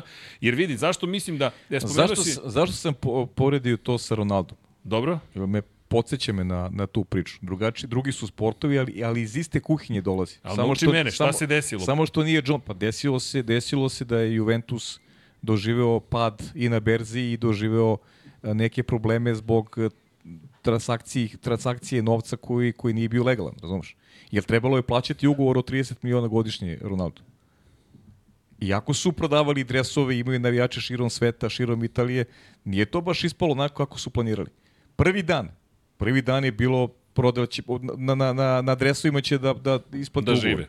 Znaš, pa nije to baš ispalo tako. Dobro? Jer to ti za neki cilj je bio osvajanje Lige šampiona. vlasnik Nije se des... To ti kažem, znaš, to je jedino što John Elka nije to radio, to je radio Andreja Njeli koji više nije. Sada je John Elka ni tu, ovaj, što bi rekli, kapu di kapu, znaš, on je taj koji vodi i Juventus i Ferrari. Ali u tom periodu nije on bio glavni. Tad je bio Andreja Njeli. Ali poredim jer može da se desi, teoretski može ovo da se desi zbog toga, toga sam se prvo setio danas.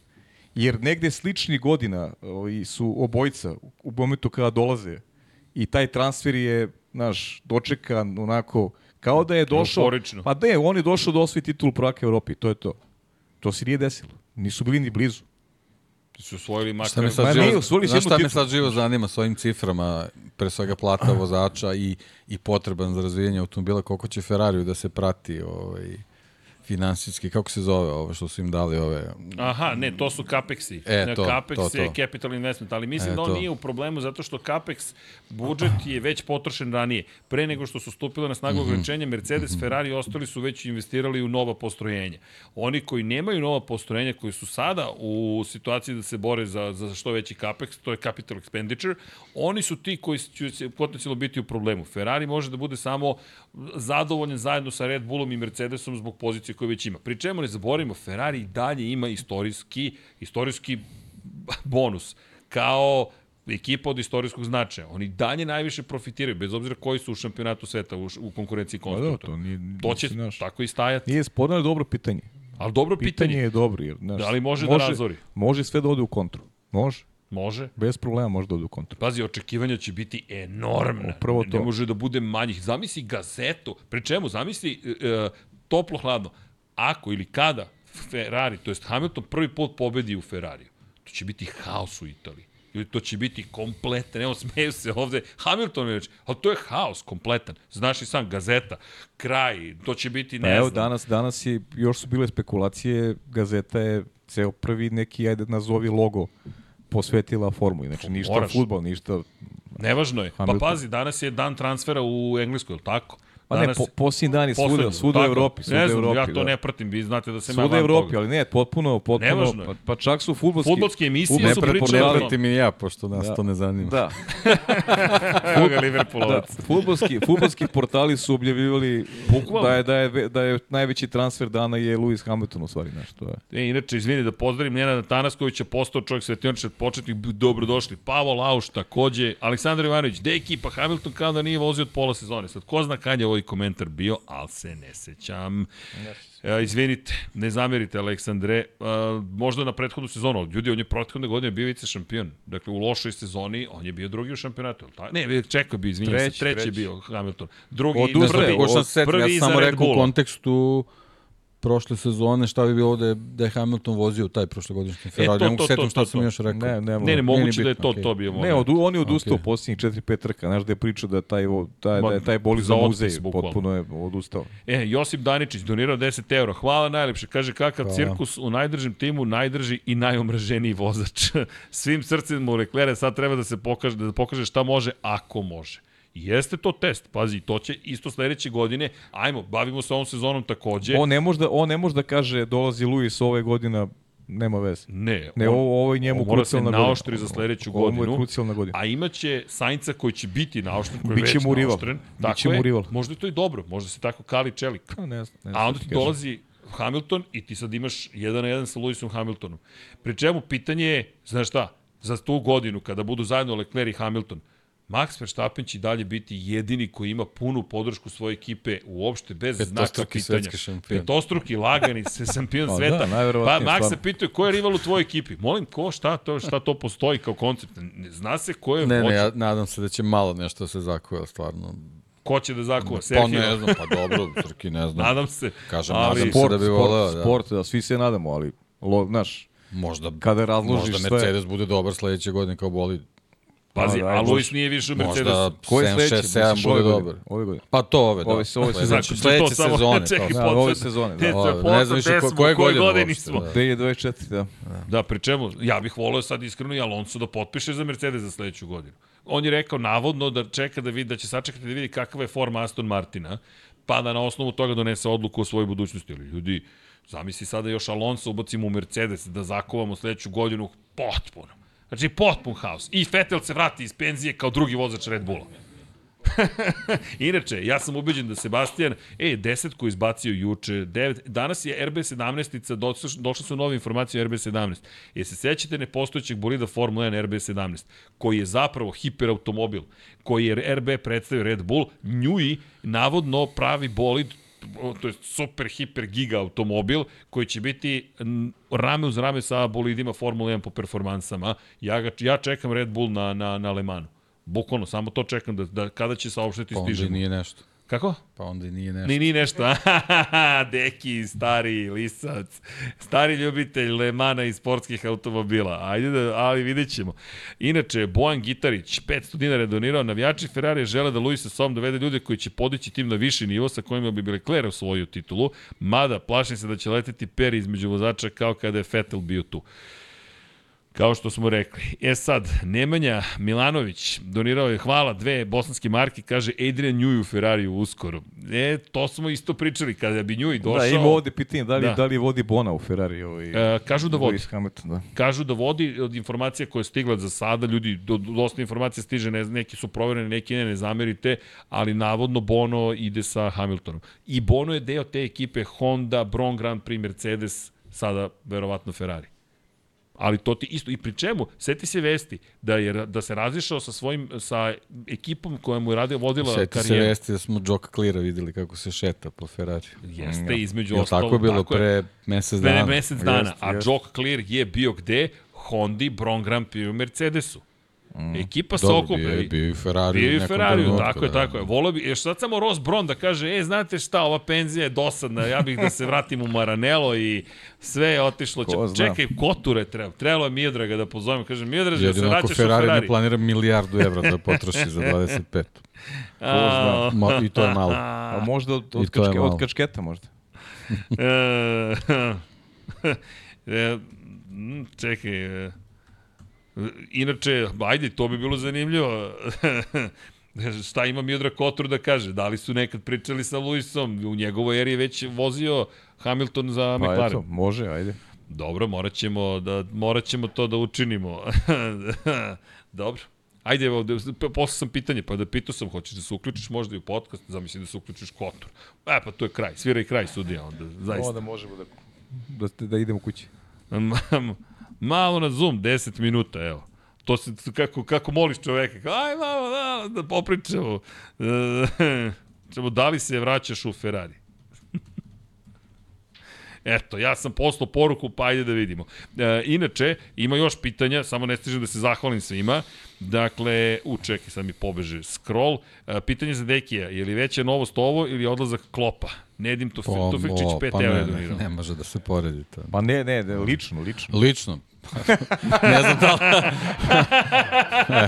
Bu- Budi, budi ličan, budi ličan malo, kakve veze ima. Trebali smo specijal pre neki dan da radimo. Otvori se. A, realno. Vidi, ja mogu da dođem i da sedim i da mašem. Ne, ja mogu da sedim Ne da trebaš mi ti, samo mi ne, ti ne, još da.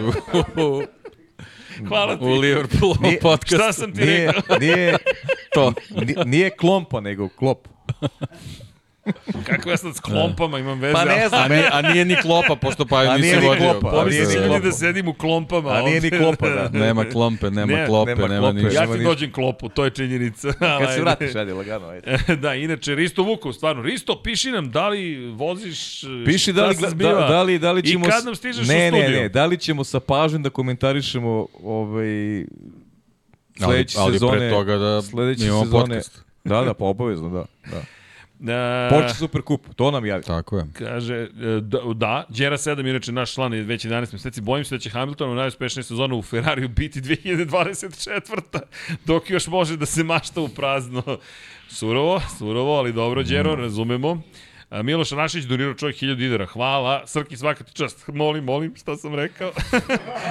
Ako budeš imao još neka predsk pre, predskazanja, javi mi, već će jedan daje dati u prihod Infinity Lighthouse. E, ljudi, Evo, ja, javilo mu se malo pre da Klop ide iz Liverpoola.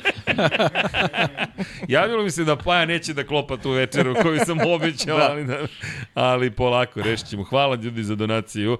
I kaže Drago Veković, koji je član već dugo, 14 meseci, bolje da je već ove godine Hamilton prešao u Ferrari.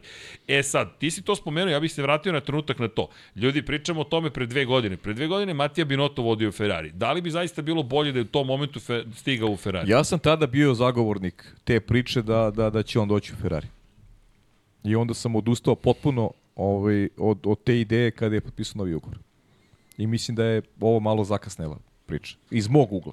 Jasno. Opet, vidjet ćemo šta, šta donosi sutra i kako će to sve izgledati kada, kada Luis sedne Ja u taj mislim bolid. da je izabrao bolji moment. Frederik Vaser mi deluje sada već ozbiljnije, deluje mi da ima i veću podršku, povuko je riskantan potez, ali koji ukoliko mu vrati dovoljno, ajde, ovo je ljudi klađenje, ali, mada, dovoljno, mora ti vrati sve. Ovo nije potez da ti vrati dovoljno, ovo mora ti vrati sve. Mora ti vrati bar borbu za titulu.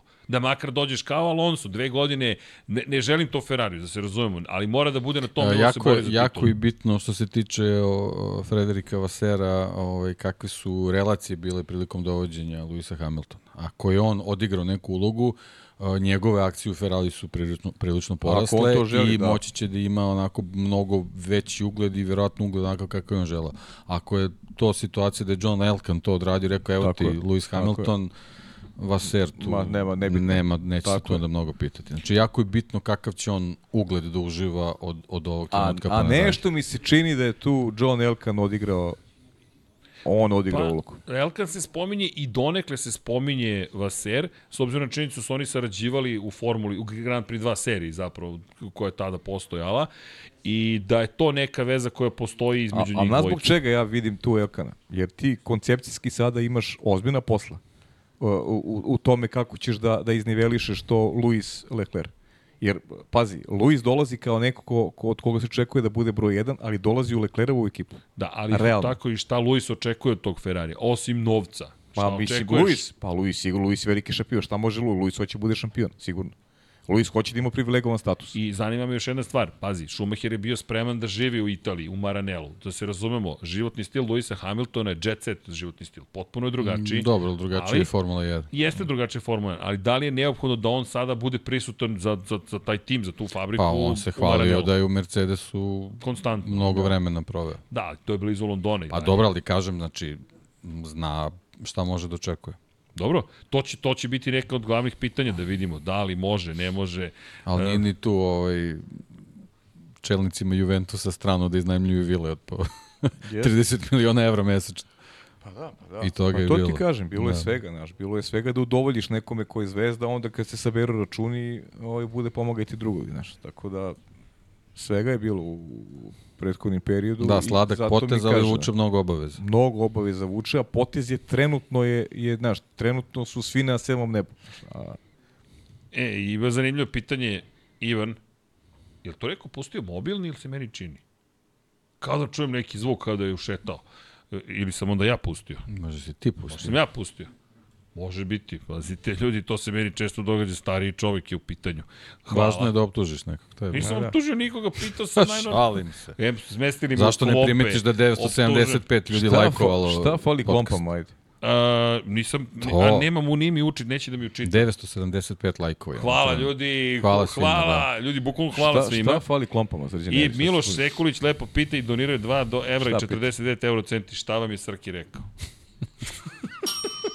Tako, To. Ne, nemoj, ne, ne, da ne budimo decu. A, ali Muarem a, a, Niko ne spava Laik, večeras. 2 evra je donirao, niko ne spava, ljudi, 2400 ljudi u live-u trenutno, stvarno veliki pozdrav svima i to non stop, evo aplauz od nas trojice za vas. Dakle, stvarno, hvala, nemam, nemam šta drugo da kažem, ali čekaj samo da pohvatam sve, neće da mi učita, pošlogirao mi se studio, skroz, dakle, nemo, ne Ja mogu ću da ti ispa- updateovati Updateuj situaciju. me, molim te. A, Kad dođemo do hiljadarke. E, ali ajmo da postavimo još neko još. pitanje. Evo ga, 1000 lajkova, 1K. 1K. Da, ništa pametno da kažem, ja sam, svoj, ja sam svoje rekao. Prošle godine. Oho, eto, da, meni sad stoji na 1K, pa sad neće Sve se da šlogiralo. e, jedno pitanje. Hvala, Hvala, ljudi. ljudi. Stvarno, i mnogo je lepo osjećaj. E da, i to je isto mnogo lepo osjećaj. Ja moram da vam priznam da se ja danas osjećam Evo, srećno kao Biro malo dete. kaže zvono napokon. Zvono naš, vidiš, ne. Okinuli zvono bez veze. Da, bez Okej.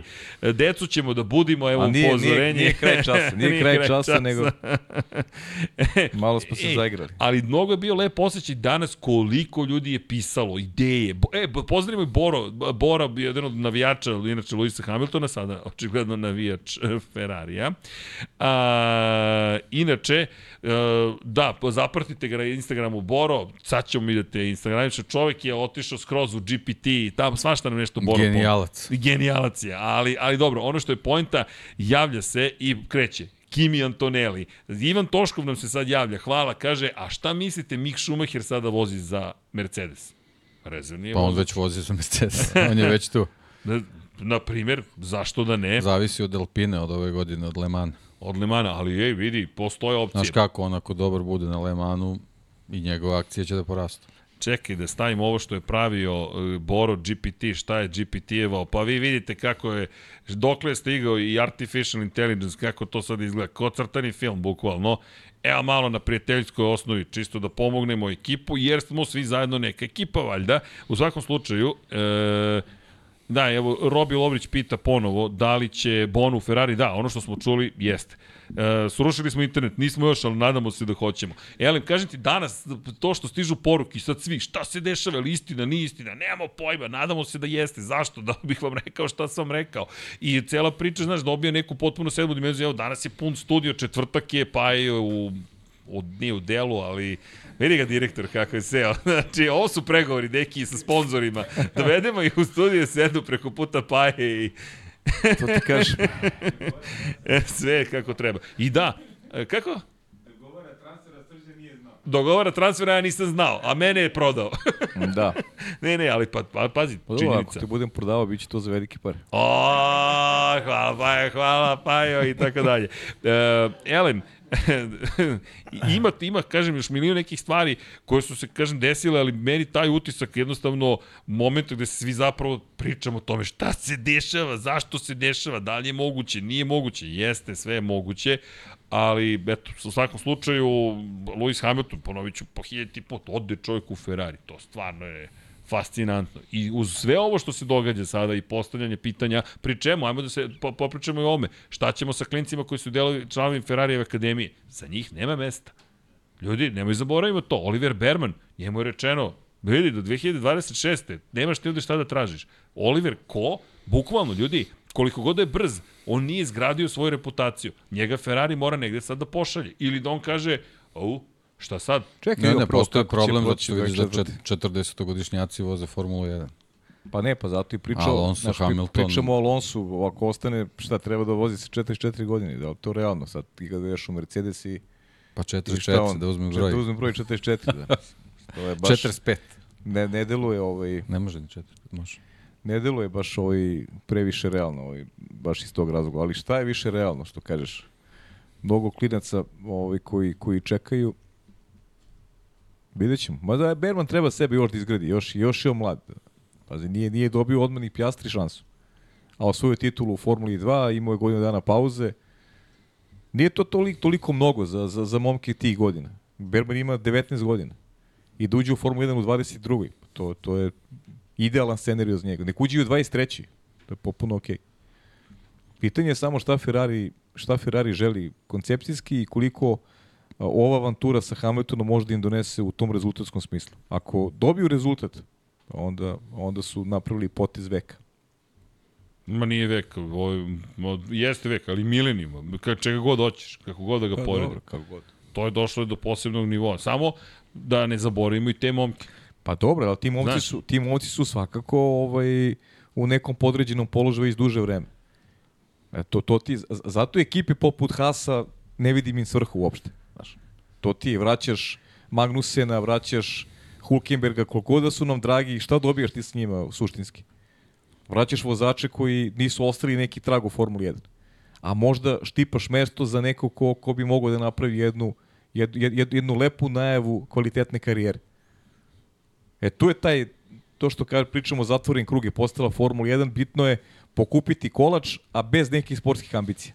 I imamo više timova koje do 2026. mi ne vidimo njihove sportske ambicije. Zato je ružno, da li će ih zato biti je ružno saopštenje Formule 1 prema Andretiju. Ma de, o, ne ružno, Upravo nego iz tog odvratno. razloga. Tako To- je, pa odvratno. Ovo ti je bio super šlagvord za, Da, za, za odvratno je. konstataciju. Odvratno je saopštenje i to, to sam počeo sam pričao još onda kada smo govorili o tome da čemu, čemu has. I zato dobijamo te, to što dobijamo sa tim klincima koji su talentovani momci, ali nemaju, nemaju priliku da, da, da, da se ovaj, pokažu. Pritom, Lewis Hamilton zaista nije reper. Mislim, ne, ne pričamo u tom kontekstu Lewisa Hamiltona. Lewis treba, potreban je Formula 1 ali ne može da mu ubedi niko da su potrebni Niko Hulkenberg i, Kevin Magnussen. Koliko god da mi je simpatičan Niko Hulkenberg. Više bih volao da vidim neku mladu postavu sa Bermanom ili sa, ne znam, e, evo, Lawson recimo, koji je prošle godine pokazao da je, da je, kada će on dobiti šansu? I da li će je dobiti? Pitanje, pa evo ti ga Filipa pokazuje Drugović. da je okej. Čekaj, Pokazuje da je sasvim korektan, solidan. Potpuno Da. korektno. Pričali smo o Filipu Drugoviću u, pet, u ponedeljak. Filipe je nestao. Evo, ne, ne, ne, nema spominjanja. Dakle, i ovo što si rekao, 40-godišnjaci su tu. I to se generalno promenilo u sportu. I Tom Brady i svi ostali. I ne samo Tom Brady. To, to je jedan od ljudi koji je A evo postao ti pogledaš Moto Grand Prix, o Markezu se priča i dalje. Da, da. Koji je napunio 30 godina, 31 ima. To Nije- je kao 50 u U Formuli 1, da, da. Sa svim ovim povredama koje, koje je prošao. Pa pazi, Rossi je vozio do 42. godine. Pa da. Znaš, mi govorimo o ljudima koji su zaista ušli u poznu godine u nekom kontekstu prošlosti i onoga što je nekada važilo u sportu. U ozbiljne pozne godine. Rossi vozio sa, menjao sa Hamiltonom bolide i motocikli, sad kad Markezu leti u Ducati sledeće godine fabrički, kad im, kad im rastori prezentaciju. Ali ljudi, da se, da se razumemo, znaš, da ne bude sad ovde atak na ljude, na, sta, Ne, ne, na ne, ne, starije, ne. te ne, starije ne, momke. ne, ne pričamo Ja- o tome, ja- ja pričamo samo- to nekom prirodnom sledu Ne, kakav je bio. Ne samo, to, ništa nego, drugo. nego, znaš, ja ne vidim šta Haas dobija sa Hulkenbergom i Magnussom, kad pričamo o njima dvojici. Znaš, šta, je poenta? Ti si deseti u šampionatu. Pa eto, Ne poenta je bila ništa. da nemaš Mika Šumahera koji proba svoje granice, Jeste. u tim granicama Dovezi naravno auto u slupa garaž. bolid, da. Dovezi auto u garaži i to, Tako i je. to je filozofija tima Formula 1. Pa ne, ne trebaš nam uopšte. Ali njemu treba, zato što očigledno je, postoji suficit u kasi i, i, i lepo je biti deo, deo ovaj, celog ambijenta, ali zato mladi talentovani Pazi. momci nemaju priliku da pokažu koliko znaju i da li vrede za neke veće domete. Prito ne možeš ti svakog klinca da staviš direktno u Ferrari. Znaš, treba prođe neka, naravno, neko školovanje. Zato naravno. je služio zaober svoje vremeno, zato su služili neki timovi koji su uh, Pa ne, zato, zato je glupo, na zato je način. glupo znaš. saopštenje da, da Andreti ne bi bio konkurent. Pa, mislim, Zato je glupo, glupog, pa da. šta znači, treba Andreti da uđe i da sledeće sezone se bori za šampionsku titulu. Mislim, to je potpuno nebulozno to stavljati u tu rečenicu uopšte i, i kao obrazloženje neko, ali dobro. Pa dobro, ali to ti je obrazloženje na koje ti ne možeš ništa ni da kažeš zapravo. To ti je klasično... Pa obrazloženje nije bilo ni potrebno, mogu samo kažu nisu prošli i, i Mogli tačka. su da kažu ne želimo. Svaka sledeća da, rečenica to je to. glupa. Pa, Nešto moraš da kažeš. Pa to upravo to, Sve to, to okej, je priča, nešto mora I kažeš. onda si- onda bar, bar neko vreme posveti tome šta trebaš da kažeš, pa smisli da bude bar smisleno. Znaš kako, ja veći problem imam sa, sa našim kolegama koji su odmah rekli, pa da vam objasnimo zašto je zapravo ovo smisleno. Meni ne može da bude smisleno nikako, da ti sve uradiš ono što si uradio i da se opet ništa ne desi. Konačno ovo što si rekao, u krajnjem slučaju, kako bi imao ikada pričao o Bron Grand Prix? I mislim da greše u marketinškom kontekstu, pri čemu, ono što mi vređa inteligenciju, teško je logistički organizovati 11. tim. Stvarno, Ma, da. to, to, stvarno o tome pričamo. O gde se hvalite kako ste vi eksperti za logistiku i kako možete ne znam šta da prenesete sa svakog kraja sveta na svaki Kako pravite sveta. paukovu mrežu u, u organizaciji O, je. mislim, po planeti. Pa I- ne, ne, i onda- besmisleno je Znaš, sve. Da. to je uvredljivo. Meni, meni to Na smeta. stazama koji sad imaju propusnu moć po 30 automobila. Ti sad pričaš o, o 21. i 22. automobilu koji je problem. Ali sve, svaki izgovor pa zlata vredi. U, svakom slučaju, da, za Andreti, bajde, doći ćemo mi i više do Andretija, verovatno u nekom drugom priliku. Večeras ovo ljudi specijal posvećen temi broj 1, de facto, mi družit ćemo se naravno, ali zaista o, ne, nemam reči. Ja stvarno danas u, i u nekom, neko neću da kažem šoku, ali u, bukvalno svet sporta je okrenut samo jednoj temi. Kad gledamo specijalice svugde u svetu postoje posvećeni upravo ovome što se desilo. Enoga Sky Sport crvenje. Pri čemu sad zanima, pošto uvek postoji blagonaklonost, ajmo da se ne lažemo, na, na, mi ćemo na našim prostorima, pogotovo u Srbiji, uvek biti nekako naklonjeni Novaku Đokoviću, na primjer. Sada Lewis Hamilton, koji je Sir Lewis Hamilton, koji ima sedam titula, koji je Britanac, odlazi u skuderiju Ferrari, do juče omraženi tim, ne u kontekstu nekog ličnog, nego bore se protiv Lewisa Hamiltona, sad to se sve udružuje zajedno, italijanski, britanski, lobby, mediji, Pa zajedno, dobro, tako, ako tako, uspe. mislim, tako Haos. normalno, pa tu neku ruku. Znaš. Ali Pa dobro, da i generalno, generalno tifozi koji su, koji su ljudi tako, mislim, strastveni u, u tim svojim navijenjima, oni nisu voleli ni Schumachera, nisu voleli A ni ni- Fetela, a ni- ni Alonsa, je. pa kad su došli u Ferrari, opet je Pa bilo da, Forza to je- Ferrari. Mislim, to je jednostavno tako. Evo, ova majica iza tebe. Opet ja, ja, ja samo pričam o merchandise-u. Ovaj, to, je, to je majica koja je kupljena godinu dana pre nego što je Schumacher došao u Ferrari. Koštala je 35 maraka. Sledeće godine bila 55. Kad je on došao. Identična ta.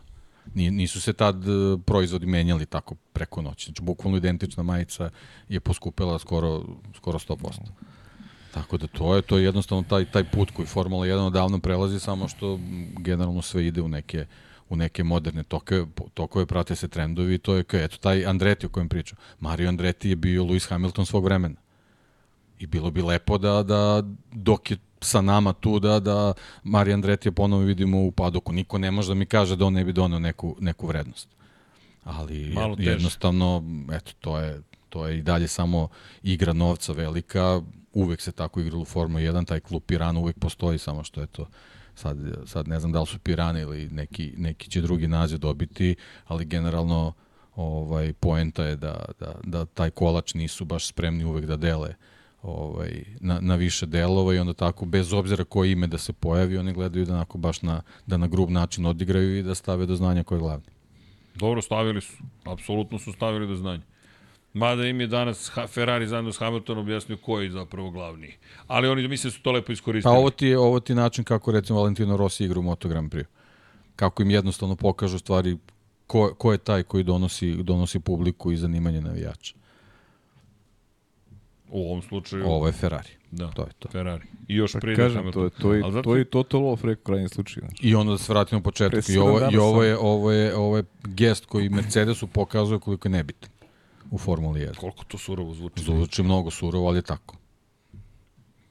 Baš zvuči surovo. Jer ti kada pogledaš, mi pričamo o jednoj od najuspešnijih ekipa svih vremena. Ono što su radili u prethodnih deceniji nezapamćeno. Pa, Pa znaš, znam, ali je- izjava Luisa Hamiltona kad je onako svedeš kao hvala vam što ste me podigli i izgradili ovo što jesam, ali ja, meni je sam da odem u Pa Ferrari. da, ali, ali znaš kako, u toj konstelaciji, na kad tako govorimo, svi su onda nebitni u poređenju sa Ferrari. Znaš. Da jesu, apsolutno, je- nego ti je, bilo je, bilo je znaš- jako bitno Mercedesu to Ti pokazati u ovom trenutku. Max Verstappen koji je šampion trostruki sa Red Bullom, on priča o Ferrari. Tako je, pa jel, to je, jel im i znaš, to Fetel, je- Fetel im je to pokazao? Pa da, ali to, mislim, to je nešto što Red je... Bull je podigao Fetela kao što je Mercedes kroz razne Ali priče podigao da, Luisa da Hamiltona. prevedemo na neki, na neki drugi level, mislim, u svakom, u svakom sportu imaš neki, neki Ferrari, kao što je recimo Real Madrid u futbolu, šta god imaš, Naravno, neku naravno. teži Real Madridu i to je to je ovaj to je to mislim ništa ništa U Real se Madrid ideš da ništa sediš na klupi. nije da ništa to nije nije dramatično ovaj ali mislim da da oni i žive sa tim ovaj sa tom spoznajom ali bih voleo da da ovaj da pronađu neki recept da da ostanu i da i da ovaj sa nekim novim snagama budu konkurentni za to je nešto što je potrebno u Formuli 1 da se ne razbije ta neka ajde da kažemo četvorka ovaj timova ili ti trojka trenutno ja više vidim kao trojku timova koji bi mogli da da se dalje bore za titul ili ti ovaj Ferrari i Mercedes koji treba da ugroze taj primat koji Red Bull ima u prethodne, prethodne tri sezone. McLaren malo sam onako sa, sa njima oprezniji, ali ovaj Mercedes je potreban Formula 1, znaš. Koliko goda su ovaj marginalni odnosu na Ferrari, ali su svi marginalni odnosu na Ferrari, ali su potrebni takvi kakvi jesu da za, za neku za neku budućnost sporta u kome želimo ovaj želimo dramatiku, želimo borbu, želimo želimo neizvesnost u, u prvenstvu. Meni, meni iskreno više trebaju McLaren i Williams nego Pa dobro, to je- nego pa dobro, Mercedes, da. ali okej. Ali samo ti kažem, meni, tebi i meni da, ali To su generalno ljudi koji se vrte u tim, u tim ekipama. Tako da, ali, ali nekim generacijama koje su počeli pratiti Formulu 1 kasnije, naš Mercedes ima ima značaj, naš Pa malo dobro, se menja da, ovaj da. geneza, ovaj. Nisam nešto vidio da su tribine srebrne nešto mnogo. Pa dobro, nisu srebrne Tako tribine, da- ali ali se vezuju se ljudi i za vozače to. Naš Mercedes se i mogu da priušti nekog kvalitetnog vozača i da priušti Pa sebi da, ali ja vidiš borbu, kad vozač znaš. prelazi u drugi tim, oni će preći u drugi tim, neće ostati u Mercedesu. Ostaće naravno, uvijek Biće postoji neki.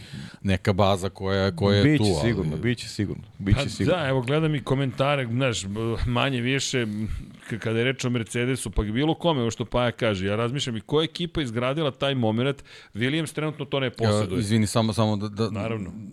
prošli put sam se setio pa sam zaboravio. Veliko, veliki i jako bitan moment za Mercedes. Audi ulazi u Formulu 1. Da, to to je Dobro. Tako da Dobro. moraš izuzetno, izuzetno ovaj, da, da ovaj, se, se restrukturiraš posle svega ovoga da bi mogo da odgovorit, na- odgovoriš na nalet Audija koji će biti vrlo spreman za svoj ulazak u Formulu 1. Da, da, ali vidi, deki, ono što je moje pitanje, ajde, vratit ću se ono što sam htio da kažem, ali moje pitanje je sledeće, kako to utiče na Mercedes? Da li Mercedes sada kaže, ne, mi moramo da ostanemo u Formuli 1 i pobedimo Audi, ili kaže, znaš šta, mi smo imali naš period, Tako izlazimo, Audi neka ima svoj Pa, period. pa pogotovo što to taj rivalitet je uvijek postojao, znaš, i Pa to poenta mislim, je, nema, ne, da ne, nema poenta je ako. Audi, uđe, Da. Audi uđe i bude dobar, Mercedes mora da bude dobar. A to je moje pitanje. Znači, Mercedes neće moći da kaže, e pa mi smo osvojili šta smo imali. Ne, nego u trenutku kad je Audi, Audi tu ti moraš da budeš dobar. Ali to, to znači govori sledeće, da mi zapravo Mercedes moramo da sačekamo 2026. Jeste, Srki, ali isto tako moramo sačekamo da vidimo da li će opet neko u Mercedesu poput Zeča biti spreman da kaže ok, odobaramo tih dodatnih 100 miliona za nešto što treba da predstavlja ovaj budućnost Formule 1. Tih 100 Znaš, da miliona je post- poraslo. A nema veze, karikiram sada, nije bitna Da. cena, znaš, to je, mislim, zato što je tada bilo 100 miliona. Ali ovaj, bitno je samo da su spremni za dalje, a to dalje ulaganje treba da im donese ko, pa da treba da imaju nekog lidera, nekog vozača koji će moći da ih povede u neke, u neke nove podvige. Nisam siguran da je to Fernando Alonso zbog broja godina koji ima, Nije, zbog nije. naš Ja Fernanda vidim samo kao prelazno rešenje. Pa, da, li, da li to piti, znaš, da li Da. ti tražiš prelazno rešenje pred ulazak u nova pravila? Znaš, tebi treba neko ko, treba ti postava iskristalisana za ulazak u nova pravila. Znaš, ne- ne- 2025. U, u, u, znaš, nebitna je, ali je potrebno da se neko, da neko saživi sa, tim, sa tim timom, da bude spreman da da ovaj uđe u projekat onoga što čeka tim od 2026. godine. I tu moraju da pokažu spremnost, odlučnost i da nađu da nađu tu neku kariku koja će verovatno u George Russella moći da da se ovaj brani na, napadima Ferrarija, Red Bulla svakako, pa možda i McLaren. Da, Ok, vidi, ja sad se vraćam opet na moje razmišljanje malo pre što smo pričali, ti pričaš o sportskom aspektu, ja ću samo se dotakne malo i pripadnosti. Kome, ko, osjeća, ko ima osjećaj pripadnosti u modernoj Formuli 1? Navijači McLarena imaju osjećaj pripadnosti. To je ono što ja uočavam u poslednjih, pogotovo pet godina. McLaren je nekako uspeo da oživi tu privrženost. Vi imate profile koji se zovu McLaren, ne znam, F1, Srbija, Hrvatska, Bosna, kako god je. Pogotovo e, je aktivna ta grupa navijača. Ferrari, ljudi, to je kultni status dobio. Red Bull, ono što smo mi uočili u poslednje dve godine, pogotovo kod mlađe populacije, identifikuju se sa Red Bullom, ne toliko sa Maxom Verstappenom ili ne znam kime. Da, Max, Max ima svoju priču, ali Red Bull ima svoju priču. Međutim, ako ćemo, ne, nemam podatke, ovo je samo moj osjećaj. Ferrari je tu, McLaren koji nema rezultate, ima neku lojalnu bazu navijača. Williams je to izgubio. Vrlo malo, to je na nivou ne znam, izuzetka, neke anomalije. Volim Williams, jao super, seća se uspešnih vremena. Onda dolazimo do toga da se postaje pitanje Mercedesa. Meni identifikacija s Mercedesom Lewis A Hamilton. znam, Srki, ali meni je to sve nebitno. S izetkom Ferrarija, a, a, vozačima je bitno da misliš da Max Verstappen sutra neće otići Mercedes ako ne, ne, ne, vidi garanciju da će nastaviti da pobeđuje. A baš ga briga za pripadnost Red Bullu i za... A ne, ne, ne idu pričamo Mercedes. njemu. Ja pričam o gledaocima. Pa, da, ali ti, samo Ferrari ima tu. Ali samo ja Ferrari da ima se to, da, da, vidi, ja mislim da imaš kod McLarena, upravo to govorim, kod McLarena to postoji.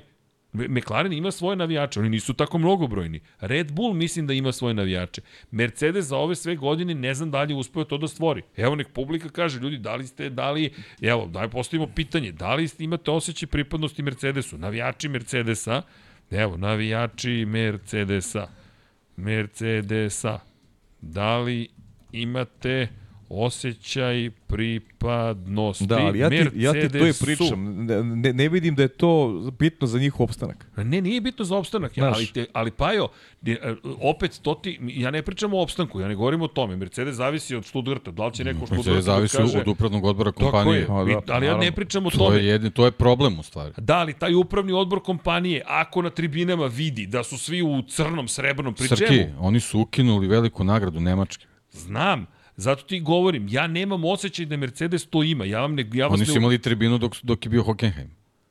Jeste, Jel tako? Jesu. Da li To je postoji što- negde tribina Mercedesova. Mercedesova? Ja je nisam video.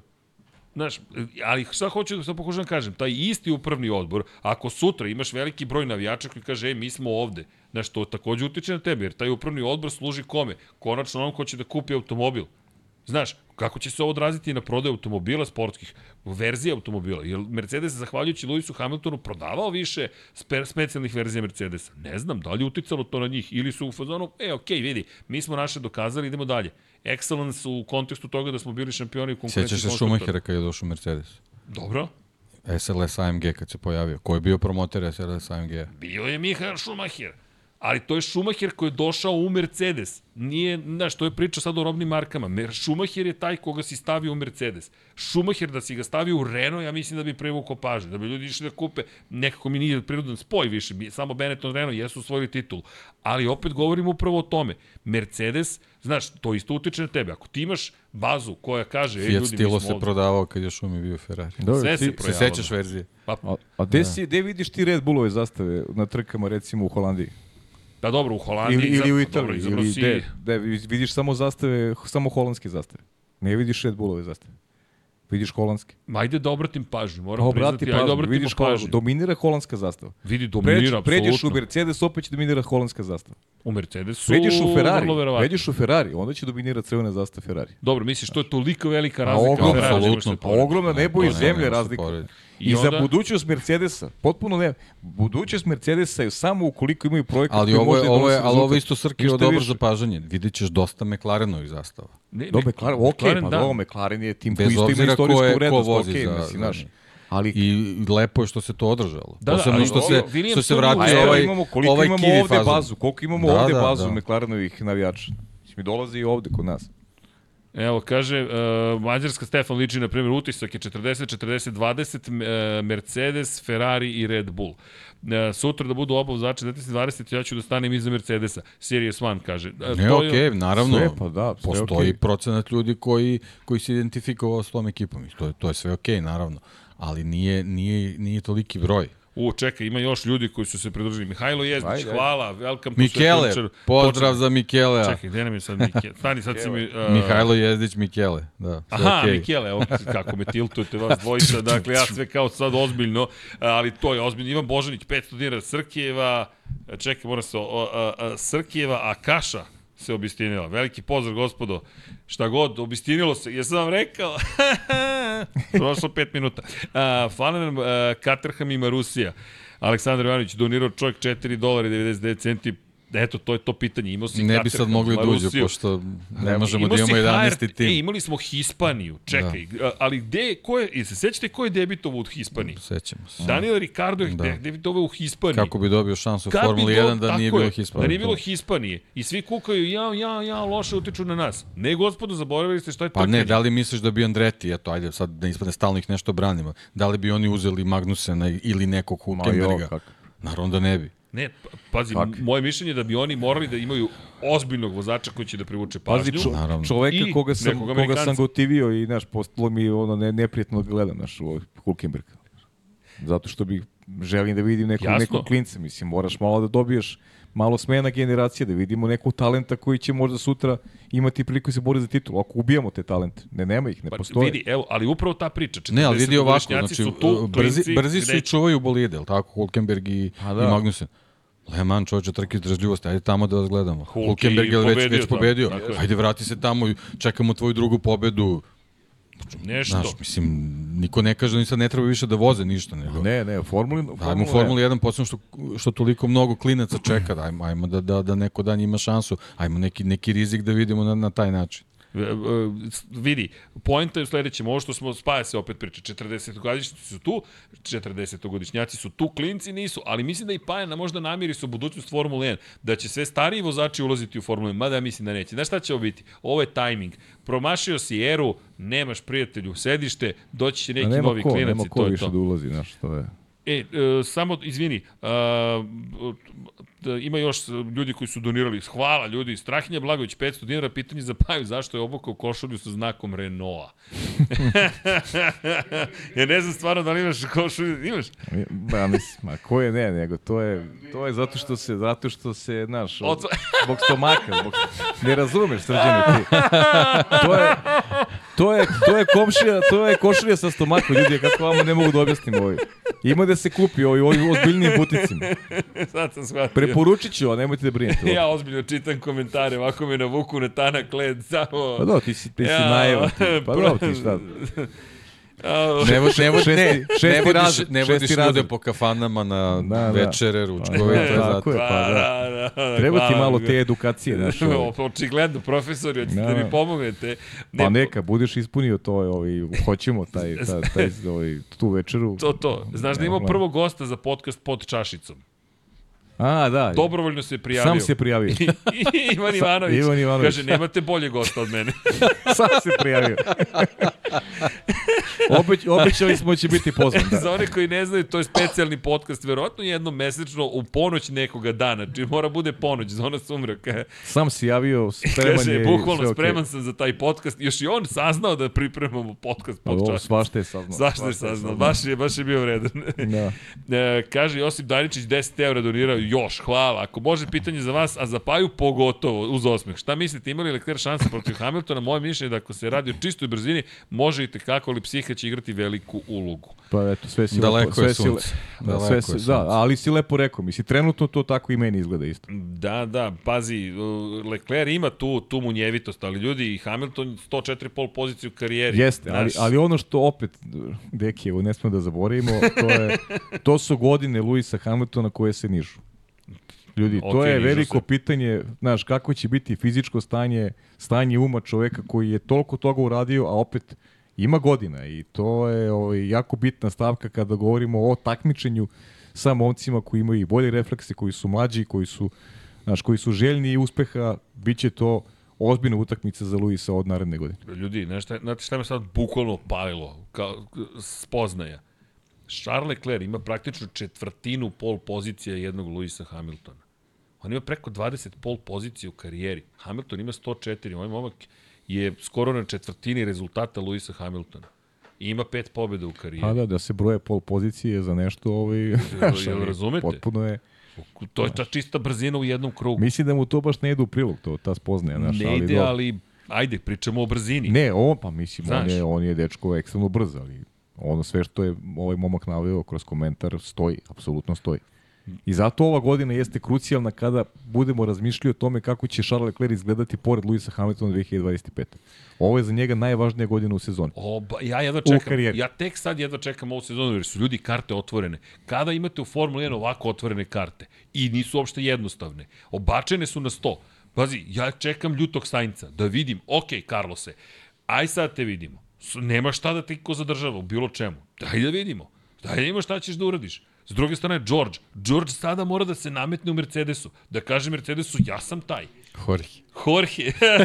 Da, da, da. Jorge mora se nametne. Da razumeš, to je ta sezona. Pri čemu, šta se desi ljudi kad se sretnu Charles Leclerc i Carlos Sainz na stazi? U Bahreinu sad, u prvoj trci sezone. Jedan su Hola, pored drugog. que Hola, pasa? que pasa, que tal? Desi se, desi se ovaj svašta nešto. Desi da. se, ča... Desi se. Ne, ozbiljno. Pa vidjet ćemo, vidjet ćemo. Stvarno ima, pa to ti kažem, mnogo, mnogo tema povlači ova godina sa, sa, i, i bit će u tom pogledu interesantna, ali isto tako, srđene, može da bude potpuno onaj u suprotnom smeru da ode, da, da, da nam bude dosadnije nego prošle. Upravo iz, o, iz ovih razloga. Da, ali, Neće, čekat ne ćemo može. 25. Ne. Da, da, Ne može da bude dosadno. Ferrari Srki će stav. u julu već da Ferrari priča stav. 25, ako bude dosadna sezona. Nije problem. Sa, ne, sve okej u julu ako priča, samo da ne bude u martu. O, pa ne, O, ne. ne, ne, Mart je pre. Samo da ne bude pa Potonut ćemo onda, pa ne, neće, pa nećemo, pa ne, ne. ne. Šta prve četiri trke dobije i šta smo radili? Gde smo, gde smo došli? Čekaj, Gde Pajo, poš- nije, nije, krenuo si da nas ubijaš, nismo Ko ni ubija? krenuli. Samo pričamo šta može se desiti. Kako, Ne, šta, ne, ne, ti... šalim se, šalim se, nije mislim bukvalno, nego čekaj, ajmo ovako. Uh, Max Verstappen, ali baš, kako, koga briga? Uh, upravo smo dobili priču na koju možemo svi da se kačimo do daljnjih. Uh, Max Verstappen, sedma pobjeda za redom, ali Lewis Hamilton 2025. u Ferrari. Ali to, to, e, to, razumeš? tako mogu u Ferrari da pričaju. E, ali ne samo u Ferrariju. nego- Moramo, moramo napravimo kviska nekog da uložimo ako bude dosadna sezona. Sezona, ne, pravimo da dodamo Luisa. Pa to, Ulažem pa ne, Luisa. ulažem Luis. Ne, vidi, ali imaš sledeću, imaš priče koliko hoćeš, jer će svaka trka biti analiza Luis ovoga što smo Kvisko, pričali. Hamilton. Nije sporno. Napravit ćemo kviz kod imaš ove kacige. nema. Priču ćeš da napraviš Od kacige uvek, ćemo napravimo kviska. Ma nije sporno priča, ljudi, samo da bude interesantno, a malo se brinem za, za Znaš, Ne, Nemojte se brinete, Baja. polako, vidiš Baja da sve kreće kako treba. Tako je, vidi, vidiš da se, bukvalno ovo što neki kaže, deša, sve se dešava, sve je to deo velikog plana. Da, da, da. Pazi, ili je Stefano Domenicali najveći genije na svetu, ili je najveći Srećković na svetu, nemam pojma šta je, ali u svakom slučaju, pa jo, ove, slede, ove godine koje dolazi, 2024. Svaka trka priča za sebe, bez obzira na Maksa. Znam da ti, da tebe Svaka- deprimira. ja ti uvek ali- govorim da je svaka priča Jeste, za jeste, sebe, ali Ali vidi sad šta si govorimo, dobio. govorimo realno o tome šta može se dogodi ove godine. Znaš, to, je fakat, znaš, to može, to može se dogoditi. I realnije je da se to dogodi. Dobro. Ne znam, ja mislim da ja mislim da bukvalno uopšte ne moramo sad da brinemo. Bukvalno su nam dali poklon. Na tacni su nam dali dve lagane godine. Bukvalno. Dobro, da. ja iskreno, dali su nam na tacni. Ljudi, ja vam pričam, mi, mi smo ovde iskreni, šta možemo Pa se do, lažemo. meni, ne znači te godine na taj način.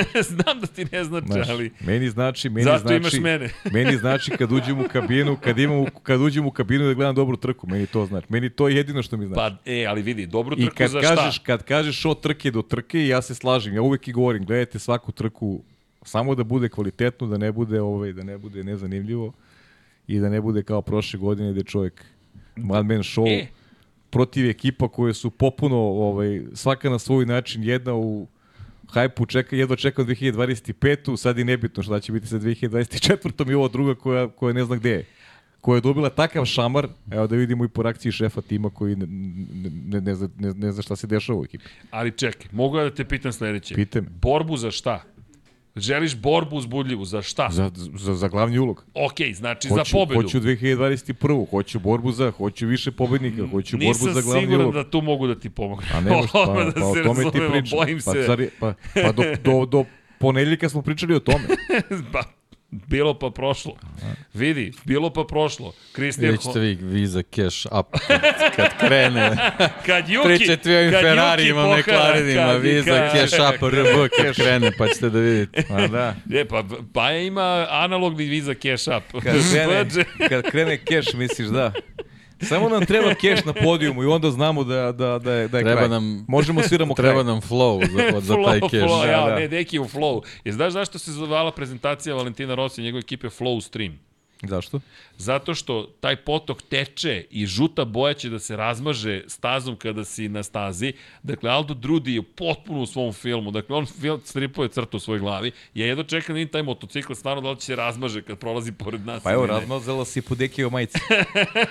Po, pa proširilo se, flow A? stream, flow stream ne teče dosta. Da, Da je deki bio, da je deki bio baš, baš blizu. E, čekaj, imamo, ima još stvari. Imamo da Sinović donirao čovjek 1000 dinara. Posle predstavljanja bolida 2021. kada si Srki konstatovao da je Zvezda nestala sa poklopca motora i da se vidi grupno AMG, ja sam konstatovao da im je izlazna karta za 2026. kao tim. E sad, da, ali onda dolazi Audi. A ako je došao Audi, ti ne možeš da onda podviješ rep i da nestaneš. Možeš, možda priče. budeš na devač motorima. Aha, znači To je- možeš. to je savršeno opravdanje. A, okej. Imaš dakle, dakle, McLaren, Ivane, McLaren koji će biti odgovoran za sve. I nismo mi, nego McLaren ne zna da napravi bolid. Tako je. A mi smo napravili dalje A mi imamo jedinicu. savršen motor koji je najjači na gridu i tako dalje. A Tako Toto dalje. Wolf kaže ja sam svoje obavio 2025. Ma, Toto Wolff, gde će on da bude, Ćao. I to je to. U... To, to će šalje razglednice. Tako je. Inače, Bojan Markov donira 1000 dinara, hvala. Idemo McLaren, vidim ja, svi nas utpisaše samo Red Bull, Ferrari, Mercedes. Sledeće godine prva Nije pobjeda posle Monce. APRB. E da, a slušaj ovo, Ermin Vrban donira 2 evra i 49 centi. A šta ako Hamilton ove godine osvoji titulu s Mercedesa? Pa šta? To kažem, da. Mm, Šta ćemo onda? Jurimo Aha. desetu titulu. Svi su se učutali. Pa možemo kaži tako Leclerc osvoji ove godine titulu za Ferrari. Šta ćemo onda? Šta ako Perez osvoji O, titul? Šta ćemo onda? Čekaj, neki, čekaj, sad ga režeš, znači, ne, ne, ali, ajmo ovako, prvo, Šta ako Leclerc osvoji titulu? šta ako Leclerc osvoji titul? I da li onda se čeka Lewis Hamilton u Aj, Ferrari? aj, aj. Aj, Koliko je bitan njegov dolazak u Ferrari onda? Znači, šta? Znači, nije ima najveći motiv svih vremena. Svih vremena. On ima svakako motiv. O, ljuta Samo papričica. ne sme da bude nice i- guy, to ne. je samo problem. A ima ljutu papričicu pored sebe. Koja je sad baš ljuta papričica. Pri čemu? Ajmo, Sainz, ljudi. A šta ako Audi ne želi Sainca? Koliko god mi pričali o tome. Pa Šta moguće, će? moguće. U Aston Martin? U Haas? Williams. Williams? A hoće Alex Albon možda sada u Mercedes? Sledeće godine. Alex nije loša opcija. Vidi, brz vozač, mlad vozač, perspektivan. Da, Sa dobrog A tržišta. Esteban Dobrog tržišta. Esteban, Totov stari drugar. Pa, da, Mercedes vozač praktično. Zamisli Pa da. kako Totu gori telefon sada. Zamisli kako mu gori. E, znam da si izgubio Luisa negde. Ima, ša, vidi. ima šale, stižu, šali, svi do... E, Znaš, ali, ono, ali znaš poruke, Znaš čika, poruke, čika Toto, čika dobro veče, kako ste? A, da, a, a, a, Nik, jeste videli ovo Nikolas Latifi u Mercedesu? Nisam siguran da je baš pominjen tamo. Nisam Da. siguran da će ga baš tamo angažovati. Zato ti kažem.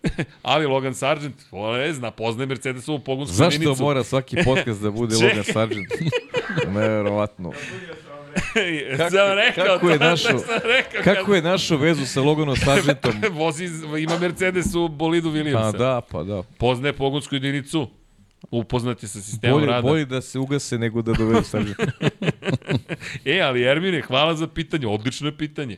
Ne, ne znam šta onda, stvarno, ali ljudi, da, mi smo Maxu već dali četvrtu za redom, a polako treba to odvesti i sve te trke. nego da se mi dogovorimo sa ovima iz Formule, da počne odmah 2025. da preskačemo? Ne, nećemo, Da odmah nećemo. E, Lazar Božić Boža, 100 dinara donira kao vozač Mercedes E-Sport F1, stojim iza tima. To, Tako Lazare, tako je. I u dobro i u zlu. Tako je, tako je. Pošteno. Tako, a šta ako George osvoji titul? A? Koji George? Jorge. Jorge, ajmo. Koji Ako? Russell. O, iz Čikaga, iz Čikaga. Iz Chicago, u Chicago Grand Prix favorit. Vidi, da. iz Čikaga. Zamisli stvarno Chicago Grand Prix. Re- Realno velika nagrada Balkana. 106.000 Dolazi George policajaca. i svi navijaju To ti za. Georgea, fore radi, razumeš? George, George koji nema pojma zašto je popularan. A mene, A mene je mnogo.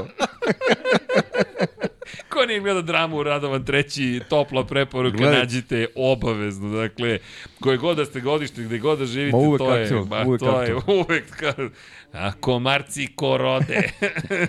Tako Rumenka. Da, tako da za Georgia znamo ko će da navije. Da, ceo Chicago. Kaže Amar Taso, donirao 10 bosanskih maraka, hvala, iako mi kao navijaču, a iako mi kao navijaču Ferrari nije drago, Srki čestitam na proročanstvu. Ma, molim, šta sam rekao? I, sam rekao. Ali mislim da je Dekijevo da se Mercedes polako poloči, novo jesam vam rekao. PS mik u Mercedesu dok ne odu. Vidjet ćemo, Pa to im je najjeftinije, realno. pa, Pa to neko što... surovi deki. Pa ne, ako je to potez, onda stvarno redi pričati o povlačenju. Iskreno. Pa da. Da, da. Inače, Lecleru bi se, evo, Amar Tasu još donira, hvala, pet bosanskih maraka, Lecleru bi se lako moglo desiti, da bi se lako moglo desiti Irvine ako bude blizu titula ove godine da se ne pokvari hype. Za one koji ne znaju, postoji priča da Ferrari baš i nije želeo da Ed Irvine osvoji titulu, da u kon kon konkurenciji Pa šta, šta? konstruktora da, ali ne baš Pa i... šta Ferrari, nije želeo ni Schumacher. Schumacher nije, iskreni. to- to on pa je slavio se vidio. čovjek, Pa što ali- pobedio, u, pobedio u to posljednje trci. Onaj, ubedio. onaj Ferrari što je oduzeo jednu pobedu Miki Salo, je li taj Da, Ferrari? taj Ferrari, A, da, da, da, u Nemačkoj, ako se Da, dobro da, sećam. pošto ako mu nisu želeli, ne znam Dobro, zašto dobro. su oduzeli. A, deki, deki, odmah, kontra, rekontra, ali činjenica, gospodine Potkonjak, činjenica. Ne, po meni tu nebitno šta je šta je ovaj šta je želeo Ali šta je pitanje je da li želeo je Ferrari ili pa, Schumacher. ne ne ali ne ne ja ne znam šta je želeo Ferrari. Schumacher nije želeo sigurno. Pa bilo je evidentno. Dobro, jeste, ko se sjeća te trke poslednje pa ne malo nego nego nije se potrudio ni malo da pomogne Znaš, ti kao timski kolega, neko ti se bori za titulu, pa ti mu pomože da, da on osvoji titulu. Dobro, ali on je na, da, sad ne ulazim u to i na, Irvine je na treningu rešio neke stvari, tako da. Pa dobro, ali kažem ti, znaš, sad ne, ne bi Nije bio vraćamo nazad. kapacitet za to i da, To, sve pa, okej. to nije bio sigurno kapacitet. Izvini, ovde padaju šege, samo Mazepin ljudi ili kvijat, ali dobro, to je sad već zona sumraka. E, a inače pita Filip Treba i Arsić, Grožan da dobije test u Mercedesu, tako treba da bilo? dobije, to, to, to su ostali dužni. E, to još samo da vidim. I šta, posedeo si. Roman Inače, Grožan. vozač. Slušaj, pitanje Filipa Arsića, da. šta mislite o Vestiju u Mercedesu? Ma nema šanse. Ja mislim da nije dovoljno atraktivan za publiku. Pa, nema. da, ne kao vozač, da, da.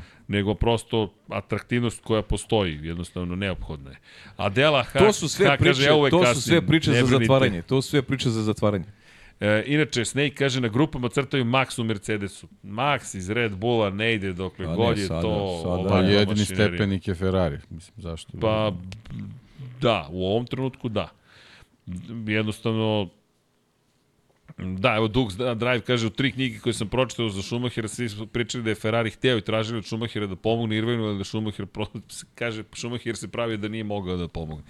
Kako god to, to, to i dalje postoji kao, kao priča.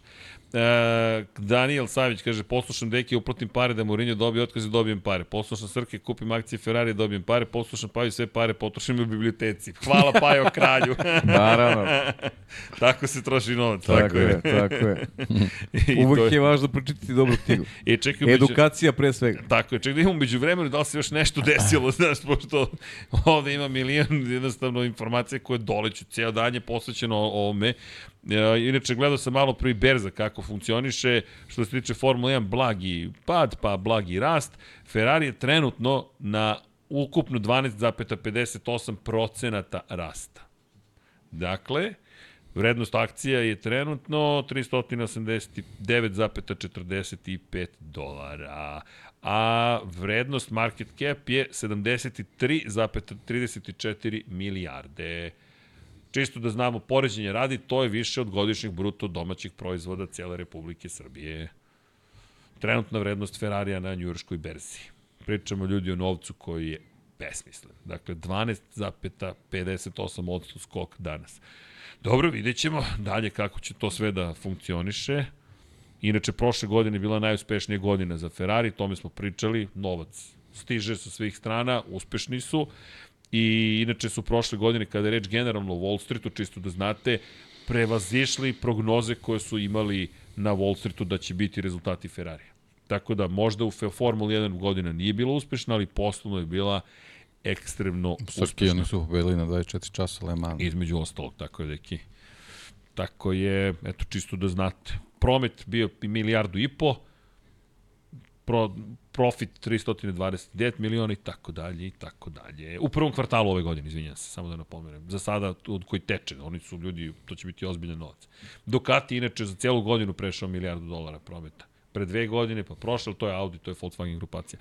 U svakom slučaju, eto, Ferrari ima se, troši se, može se, Da. napravila se cela priča oko transfera milenijuma i eto, Lewis Hamilton u crvenim bojama od sledeće godine. Ali ljudi, ajmo sad još jedna stvar. Ferrari je crven. Dakle, vidjet ćemo koji sponzori stižu, šta se sve dešava. Mercedes, koje zaveštanje Mercedesu sada ostaje, Mercedes iz srebrnih boja prešao u crne boje, Dakle, to je bila podrška u, u 2020. godini, u tom momentu BLM, Black Lives Matter, kao prosto pokret je bio na, na vrhuncu. Lewis Hamilton je tražio podršku, dobio podršku, postali su crni bolidi, vratili su se na srebrne boje. Ove godine, to je prošle, 2023. su postali crni. Sticam okolnosti, zašto? Karbon, ugljenična vlakna, da bi olakšali bolid. Ono što je meni sad isto... Ono što je Ivan je to danas spomenuo. Ironije je da je, zašto je uopšte srebrna strela bila srebrna? Zato što su skinuli svu farbu, belu svoju, tradicionalnu, da bi olakšali bolide. I tako su i nastale srebrne strele. Zato što je Da, aluminijum bio tada prosto prirodna metal, srebrni taj takozvani, je bio prirodna boja aluminijuma. Sada smo došli na to da je prirodna boja crna, pa me samo zanima koliko to je više na nivou dizajna, dezena i kako će izgledati u budućnosti Mercedes. Eto, još im nekih stvari o kojima vredi razmišljati. Čisto ovako, dodatno. Niste mi preterano zainteresovani za taj moment. Da. Obojce su se samo učutala i, dišu u I sam mikrofon. ti rekao, i sam ti rekao. Flow viz neki, Flow treba i oni da. da stave. Da. Ali dobro. Ček da vidim, publika, ljudi, da vidim, e da, odgovore, da li osjećate pripadnost Mercedesu? Ajde, ajde. A, trenutno je na 69 od, od odgovora ne. 70% je ne. Da je 30%. 615 glasova, što je prilično velik uzorak. Da, dobro. Baš. Kaže David Kecman, sutra odmah šortujem Ferrari. ne, ne mislim da će Ferrari biti crne boje, nego samo prosto kako će uticati na dezene, šta će se tu događati, to su meni sve zanimljive stvari. I iz perspektive brenda, pri čemu donji deo Ferrari je odavno crn. Dakle, vi kada pogledate, Pa, imate mislim, elemente koji su... Pa dobro, evo ti, evo ti bolid imaš tamo. Evo, crno, crno. Ne, ne, taj, da. taj Ovaj- Leclerc, Leclerc, vidiš gore da, da. gde je broj, da ima Da, da. crni, crni element. Ali dobro. Kaže, inače, ajmo sutra jaka podrška. E, da, za Andrija Petrovića. Da iskoristim priliku kad je tako veliki broj ljudi tu, samo da ga napomenem, ljudi, Andrej Petrović je potpisao ugovor, vozit će na, u šampionatu Saudijske Arabije u Formuli 4, još jedna velika stvar. Dakle, Andrija Kostić će nastupati u italijanskoj Formuli 4 u centralnoj evropskoj vremenskoj zoni, a Andrej Petrović će nastupati u Formuli 4 u Saudijskoj Arabiji. Dakle, Da, podrška... otidite na njegov profil, imate, imate link Jeste. u storiju, odgledajte trku, da, čisto informativno i bilo bi lepo eto da navijate za Andreja Super. Evo, bacit ćemo i Andrejev profil u chat, čisto da znate da neki novi klinci dolaze sa ovih prostora i zaista se radujemo tome da čekamo da vidimo sezonu jednog i drugog kako će proteći. Eto, zvanično počinje Jeste. sezona. Ej, gamer igrica, kaže Toto Wolf, ostavka. Da, Pa dobro, što? Trenutno on je ljudi jedan od tri vlasnika Mercedes AMG-a, ne će vam davati ostavku. Ono što sad pitanje jeste ovo što i Deki rekao, koji su sledeći potezi za Toto Wolf. Da li ti sada oživljavaš o, celu priču ili prodaješ priču dalje, imaš i kome da prodaš. Andreti i GM čekaju, ti ostaješ kao proizvođač pogonskih jedinica, imaš Mercedes, McLaren i Williams, istorijske ekipe, poslao si Jamesa Wowlsa iz Mercedesa u Williams, to isto možda potez da imaš jasnu vezu sa, sa čovekom koji je proveo celu deceniju uz tebe, sa tobom, tako da Mercedes mislim da je postavio dobro figure na poslovnom nivou. Ovo, mislim da si Pajo pravo da je potpuno iznenadilo Tota Wolfa, da je ovo bio šok moment, ej, čao Toto, znaš, odo ja. Posle deseti kusur godina. Kako god da je saopšteno, verujem da nije jednostavno. E pa dobro, sad treba pokaže neke menadžerske sposobnosti. Ovo je stvari najveći izazov u njegovoj karijeri. Znaš, post- postojale su stvari u kojima je on nije mnogo uticao na, na taj izgled Mercedes i to kako će se profilisati tim kroz, kroz te godine. Dobio je neko nasledđe, a nasledđe je bio i Lewis Hamilton. I ok, on je ostao, Lewis je tu ostajao, imali su uspone i padove. E sad treba da napravi nešto, nešto svoje. Nešto što, što može da ostavi trag u nekoj budućnosti prepoznatljiv njegov. To je odabir tima i rad na tome da, da ekipa bude konkurentna u neko dogledno vreme. Mislim da ovo, da ovo da, mog, za njega bi trebao bude najveći izazov. Ima- Koliko je, koliko je spreman da se ovaj, upusti u neku borbu, kakva rešenja ima, koliko su ta rešenja dobra kvalitativno ili, ili nisu, to je sad već pitanje, ovaj, možemo da se bavimo nagađanjima, ali već od danas, od momenta kada je Luis opštio da, da odlazi iz ekipe, ovaj, mora da se usredsredi na to kako će ona izgledati u, u periodu koji dolazi i kako će rešenja moći da da ovaj da da da uh, predstavi ovaj ljudima u Stuttgartu koji eventualno treba da podrže da taj projekat ovaj možda možda bude uspešan od 2026. godine. Tako da jedan jedan zaista e, izazovno za Tota ovaj period koji koji bi mogao da mu definiše da definiše karijeru iz mog ugla on je ovu ekipu dobio neko nasleđe, dobio uh, onako u, u ruke i, i, i ne možemo baš sa njegovim, njegovim imenom da povezujemo sve ono što je napravio Lewis Hamilton, što je napravio Mercedes u... Nije, nije on taj koji je postavio stvari ovaj, na, na, na pravo mesto. Pa dobro, evo i on ima priliku da, da zbog čita ove situacije pokaže u stvari da je kvalitetan Mercedesov bolid, zaslužen što je Lewis Hamilton postao to što jeste, a Recimo generalno u Georgeu Russellu imaš vozača koji videli smo kad je, kad je prvi put nastupao za Mercedes, da kad imaš dobar bolid, da možeš odmah da budeš pobednički vozač. Tako da i, i na ekipi Mercedesa je sad da se ovaj, onako okupi i da, da, da, da pokažu Pa. stvari koliko su dobri kao tim. Za mene je bilo bio izazov, zaista. Da li, Jeste, jeste. da li vam se čini da se... Možda, možda je ovo čak i neko olakšanje u nekoj perspektivi Pa za njih, jer, jer nekako meni 24. je bila sva u stegama. Hmm. Koliko puta je uh, Russell morao da, da popusti ili kad nije popustio pa se desi neki kontakt, pa onda Pa ne sledeći samo to. pet krugova se raspituje za zdravlje Luisa Hamiltona, stalno je bio u nekim stegama. Izvini, koliko puta se Toto Wolff, ajmo ovako, ajmo da vratimo malo filmu nazad. Koliko puta se Toto Wolff izvinjavao uživo Lewisu Hamiltonu zato što Da. je bolid loš, zato što nisu uradili svoj posao Da, kako da, treba, često. zato što je, ne znam, eh, Hamilton u situaciji na stazi da ga u Imoli pretekne Max Verstappen za ceo krug i koristio je prilično loše reči za svoj bolid men- Toto men- Wolff. Meni sada kad, kad vratim malo filmu nazad ovaj, i dobili smo ovaj epilog, meni deluje kao da je Luis upukao film s kraja prošle sezone, kada je bukvalno digo ruke od bolida. Kada je rekao da je to muzijski eksponat i kada se videlo da on uopšte ne uživa ovaj, na stazi. I možda je to negde i definisalo ovaj, ono što se dogodilo dogodilo danas i ubrzalo možda i postaklo njegovu odluku da da je zrelo za, za, za neku promenu.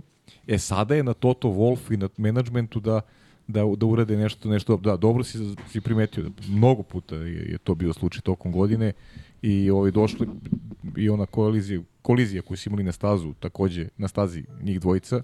I neki dueli koji su čak i nisu bili tipični za onaj period od početka saradnje, opet negde upućuje na neku, neku i, i dozu nervoze koja, koja je vladala ovaj, kod, kod Luisa Hamiltona, ali ponovit ću se, ovaj, na Totu je i na ekipi je da, da, da sada stvari, stvari dovedu u neku, neku, neku normalu, da prebrode ovu godinu na najbolji mogući način, da, da tu izdefinišu uloge, da probaju da, da ovaj, i, i eto i Luisa Hamiltona, koliko to sad zvuči čudno, da ga, da ga učine ovaj, dovoljno srećnim, sposobnim da i dalje uživa na stazi.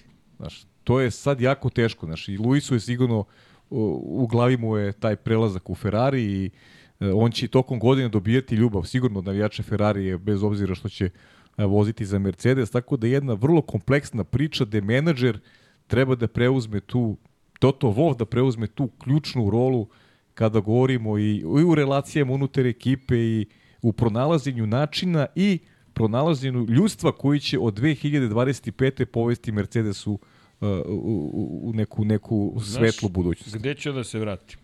Jesi, da li se sećate početaka i Lab 76? 2020. godina je bila Kako i... da ne? Pa, Da, da. okej. Imali smo situaciju To se seća se sledeću. šta smo pričali, šta sigurno.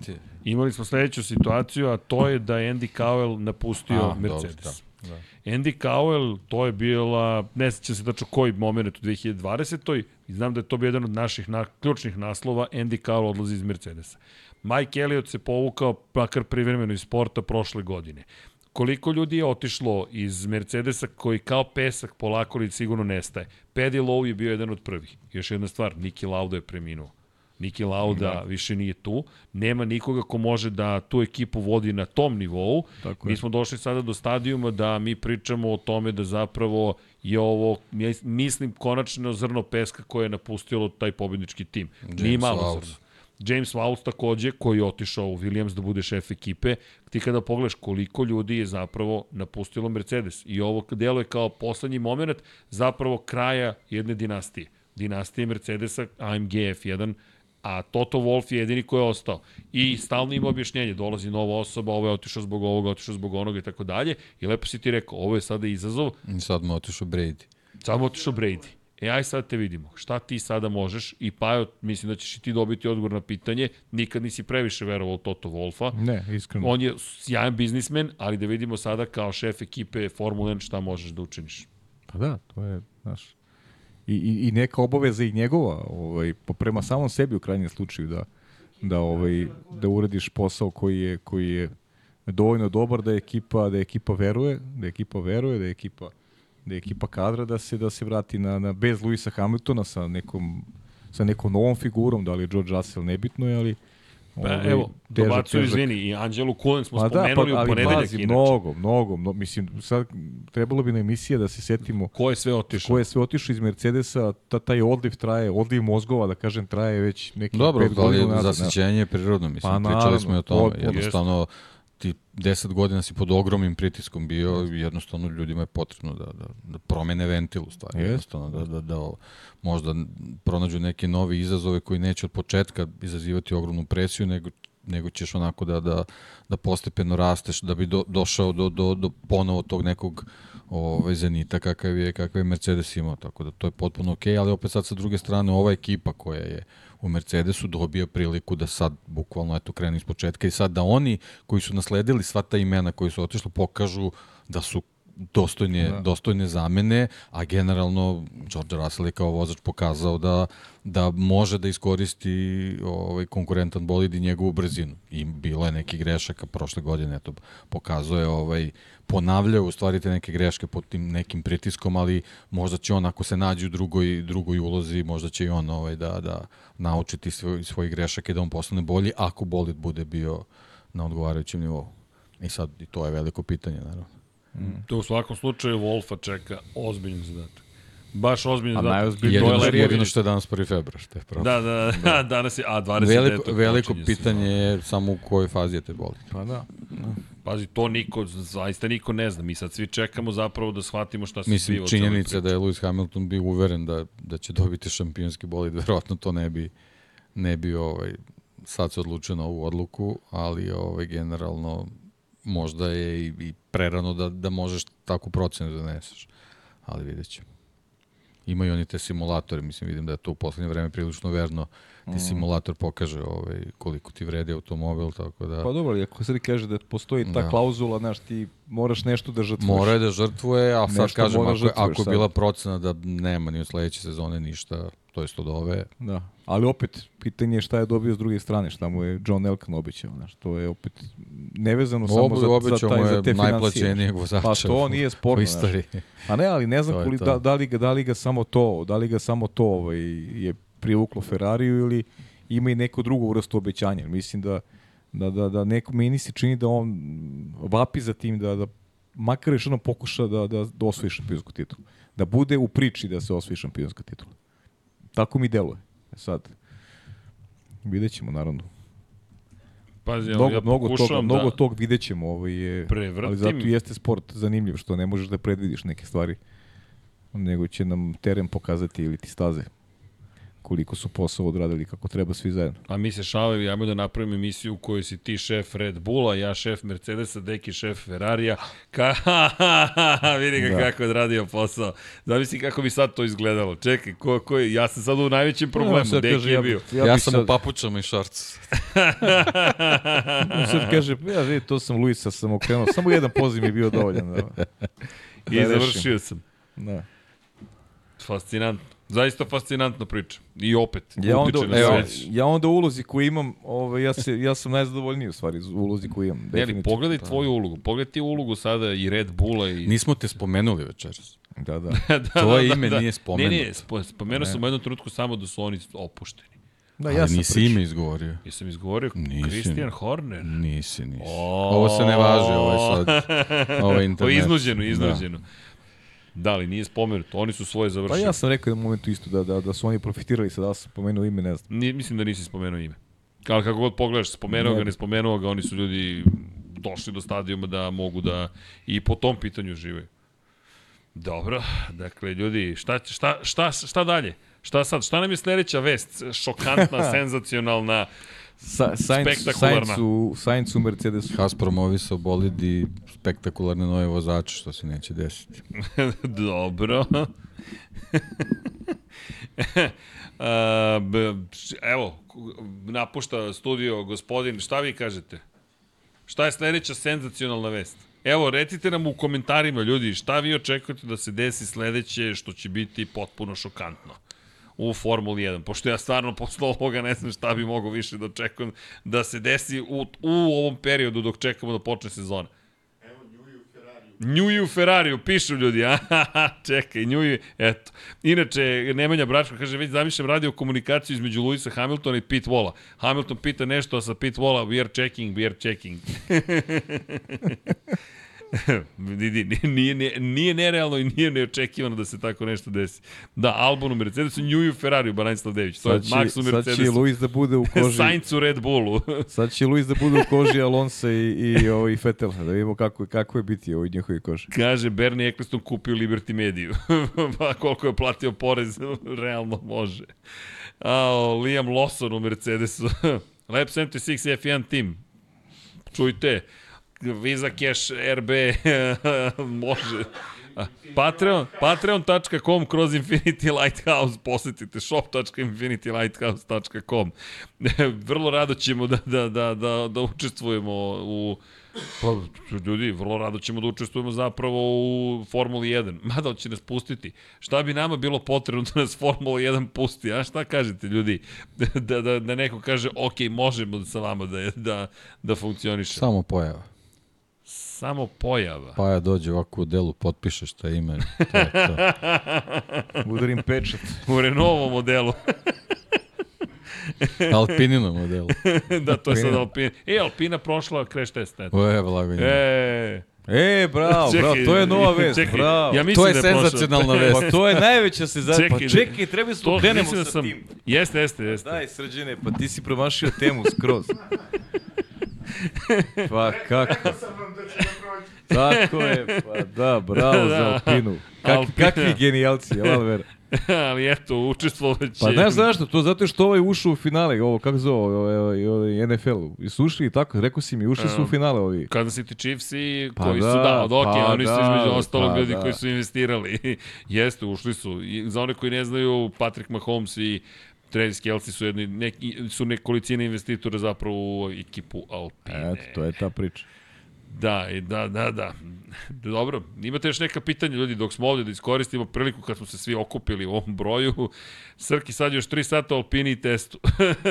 to, to, to, to, to, to, to. E, Pajo Styling, 10 plus. Eto, Konstantin Minarević. Potas igra Pikado u Hvala, Brekli, hvala. u Grožan čeka u odelu. E da, šta će sad Valtteri Bottas? Bot- Bottas se vraća u Mercedes da dobije svoju pobedu koju Nije mu se, ne, duguju. ništa novo, već ima tu neki, neki ima neka, neka, neka objava njegova koja je, Ima ovaj, on druge planove. koja je negde sugerisala ljudima da, da se šali na, na taj račun i da, da razmišlja o povratku u Mercedes. Pa ima pitanje da li ga je Toto zvao već. Ne, pa ima, jeste vidjeli Peronijev zapravo post na, na Instagramu, to je kada su saopštili da je Peroni novi sponsor Ferrarija. Ne znam da li ste vidjeli. I Ne, na stolu ne. stoji mali crveni automobilčić, to je bolid iz 50-ih, na kojem stoji broj 44. A Mhm. to je bilo pre tri dana. Broj Luisa Hamiltona, za one koji ne znaju. Bukvalno stoji na postu i očigledno je neko se lepo zabavio negde, ali eto, Estrelja Galicija otišla iz Ferrarija, da se pitao kao, gde sada Peroni uskočio. Inače, Peroni, kada tražite veze, kolege drage, Izvolite. Valentino Rossi, Nastro Azzurro, to je ta ekipa. Čisto da se vratimo skroz u prošlost, 2000-ta, 2001 i tako dalje, u Moto Grand Prix. I znaš šta sam shvatio, Vlado? Samo su mikrofoni žuti. Ubili smo ga danas, znaš. Ivan i ja za Rosija. Ao, ne, ne, za, ne za Rosija. Ajde priznaj šta su uradili. Bacili mi na tanak led, deki. Skroz. Njih dvojica Rosijevci krenuli, sad pokušam da budem neutralan, pa znate, oni, odmah su me, odmah etiketa pala. Šljus, Markezovac. Ne, ne, ni, ja ti nisam zalepio etiketu. E, Ivan jeste. Ja Ajde ti nisam reci. zalepio etiketu. da. A, dobacuje publika ovde. Ko, ko dobacuje u kafani? Ko je dobacio za stolom? Ko je Ko je dobacio za dobacuje za stolom? stolom? Da, da, pa nije za stolom, ali, da, ali to za stolom, za stolom. Mislim, ako ćeš da citiraš Radovana, da? Pa jeste za stolom, ali dobro. Ko vam je rekao da spajate stolove za početak? ali da, e da, i neke lepe vesti za ljubitelje Lego kockica. Technics izlazi, Mercedes izlazi Technics 1. marta, dakle crni Luisa Hamiltona, a izlazi i MP4 4 McLaren Ayrtona Sene, takođe 1. marta Lego set, tako da znate.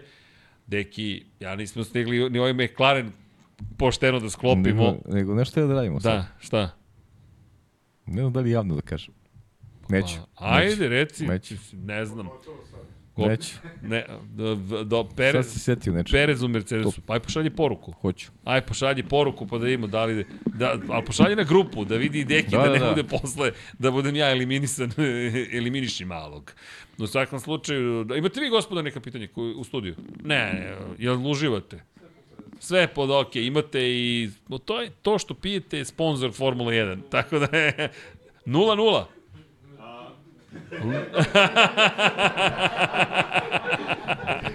Nula, nula, aha. E, da, pitanje za Šumahera, da li, je, da li ima neke informacije? Nemamo nove informacije, baš nema informacija. Inače, evo, volim Ferrari, ne volim Luisa, pardon, kasno sam se uključio, PMD donirao 10 eura, hvala. Ali dobro, e sad Pejo, odgovor. Zavolit ćeš ga Pejo. Zavolit ćeš ga, Pejo, kaže Deki. Da li ćeš ljubav da- je slepa. Poslao sam vam poruku, poruku u grupu. E, pitaju te da li se ženiš, inače. Ne. E, o, ok, ima, ima o, da, da, ajmo da proverimo, pa ćemo. Imam pitanje, da si re, da, inače Šejla Pozdrav od Čebirić... Jasenka. Čekaj, A, Šejla... je- pozdrav Jasenka. Ajmo, ajmo prvo Jasenka, da ispušamo pozdrav, ali molim vas, moram nešto da kažem. Šejla Čebirić se javlja. I kaže, O. nisam verovala, ali, kaže, Srki je vizionar, tako je. I kaže, nisi odavno rekao, šta sam vam rekao. tako je, Šejla. Ako, Bravo, Šejla, ako, bravo. Ako senior programer Šejla, kaže... nek, nek si mu rekao. I pet pita Pšela, hoće li biti ženskih majici, taj zmaj je odličan. Hoće i to uvodimo. Mnogo vas je pitalo i za decu, a ja ovde pokušavam da namestim sajt da Zorane, šalamo, ne javi se, imam, treba mi pomoć da namestim da kako treba e, custom varijablu jednu da mogu da pustim u prodaju majice, pa ko hoće neka iskoristi priliku, ali bojim se da neće da me sluša, pa ću ja to sada da promenim. Da. Šta je bilo? Ništa, gledam ovaj naslovnu stranu, sada sam otvorio naslovnu stranu Tuto Sporta. I? Pa ne mogu da verujem. Šta kažu? Pa evo šta kažu. Šta, šta kažu? Uh, ha, a, jao, jao, jao, jao. Znaš šta piše? Hamilton u Ferrariju kao Ronaldo u Juventusu. Pa jo, mi- A ne, deki ne, ja, ne, uro, ne uređujem Tuto Sport. samo da, zna- upravo to sam htio da kažem, Deki i ja već dugo spekulišemo da zapravo nas vrlo pažljivo i pomno gledaju. Ne smem da gasim svetlo kad legnem da spavam. Da, da, da. Već mi, već mi kreće. Ne, ne, ne, nikako. nikako. Dobro, ali samo bih da primenim, e, da primetim jednu bitnu stvar, a to je zapravo da smo u celoj ovoj priči, e, čekajte, ponovo saopštili nešto što će da se desi. Inače, tamo citiraju neke, neke ne, ne, nepoznate, kao The ko je ovo mogu da... Simpsons. Ali, znaš o čemu je stvar? Što malo, malo u MotoGP-u nešto kažemo, to osvane negde. Mi smo ubeđeni da Artificial Intelligence radi da neko pomno prati kompletnu situaciju. U A svakom nama slučaju. akcije stoje na berzi. Jesi siguran? Jesmo na Pa, berzi, neki. Prove, gledam svaki dan nešto. Možda, možda nam se neko drugi prikačio. Pa ne, A, dobro. dobro, da, da, dobro, pa jo. E, da. Elem, uh, Elem Belen Buff, uh, u svakom slučaju. Počne se priča to Trip, da su predikcije truf. dobre. Da su, znaš, Predikcije su, pa to ne, da nas slušaju, prisluškuju Da, da, i da da. onda bacaju tako, evo sad Pa Tuto dobro i bilo, je- i bilo je, znaš, ovaj, da se pohvalimo, s Hondaš. godinama, s godinama je bilo ovaj, Vidi koliko je svašta bilo nešto. godine, vala baš. Da. Bilo je, bilo je. Ti sam rekao. Mada ovo je najjače ubedljivo, ovo je stvarno... Moramo, deki, moramo da mu odamo priznanje. Evo, to je to. I sam, i sam, Sam rekao, Sam rekao. sam ti rekao. Ne, sad gde god da Ne. se pojem, e vidi, ja znam šta... Ne, ne, ne, ne, Batavi. Nisam ti rekao. Ja sam zadovoljan u, sle, u prethodnih 10 dana Conorom Bradleyem, ništa mi više ne treba. Da. Zaustavio sam se. Pa šta sad da kažem? M, m, m, m. Konorom kojim... Nema veze, čućeš kad dođe vreme. Raspričat će se. Kako? Desni bek Liverpoola, evo sad znam, da se bar ne smijem u društvu bez veze. Mada sam se smeo i pre toga. E, uh, imam osjećaj kao da smo produžili podcast. Uh, neću, kaže PAMD, donirao je 5 eura uz veliko neću. Uh, inače, pitanje Dibanđe, da li se sećam da je jedna međusezona automotosporta bila kao ova? Mm, Ne. Pa ne sjeća se baš da je ovako turbulentno bilo, da je Moto Grand Prix na sve strane, da Formula 1 ima ovakva saopštenja u januaru, februaru. Sjećam se i prošle godine koliko je nekako bilo tiho, mirno, prolazi Ne, ne, vreme, jeste, da, čekaš. nalazili smo, da, baš smo se... Izmišljali smo teme, bukvalno. Krpili smo se baš. Izmišljali teme, ko čovjek pričam, pričamo o nečemu, volimo Ne, i prošle godine smo jedva čekali da dođeš u Chile, ono da imamo neki, nek malo pauze, a sad ne znam, sad ćeš da nam nedostaješ baš. E, e, da, Jer ja i Paja već od ponedeljka moramo podcaste, ponedeljak, utorak, sreda, četvrtak. Četvrtak, petak. Ja sam, ne, ja sam u ponedjeljak, dogovorio se, ja krećem vaterpolo od, Eto. od 0-1 pone- krećem ponedjeljak. Nemam pojma. Tako da, slobodan si ponedjeljak. Slobo, e, ja inače u subotu krećem put Čilea, ali ću ponovo vrlo rado da kameru upalim pored mora, bazena. Pa lepo, super. Posebno to pored bazena. drago mi zbog tebe. Jedva čekamo zbog to da uradiš. Ti upali i pošalji na video da ti gleda. znaš. Pa vidi, ali ne sme podcast da trpi zato što sam ja otišao da vidim porodicu. Vidjet E, ćemo, obezbedit ću internet ovoga puta bez brige, a a, ako bude vesti... imaćemo, pe- imaćemo uvodnu, možda, um, znaš kako se to zove, pilot, pilot pod čašicom.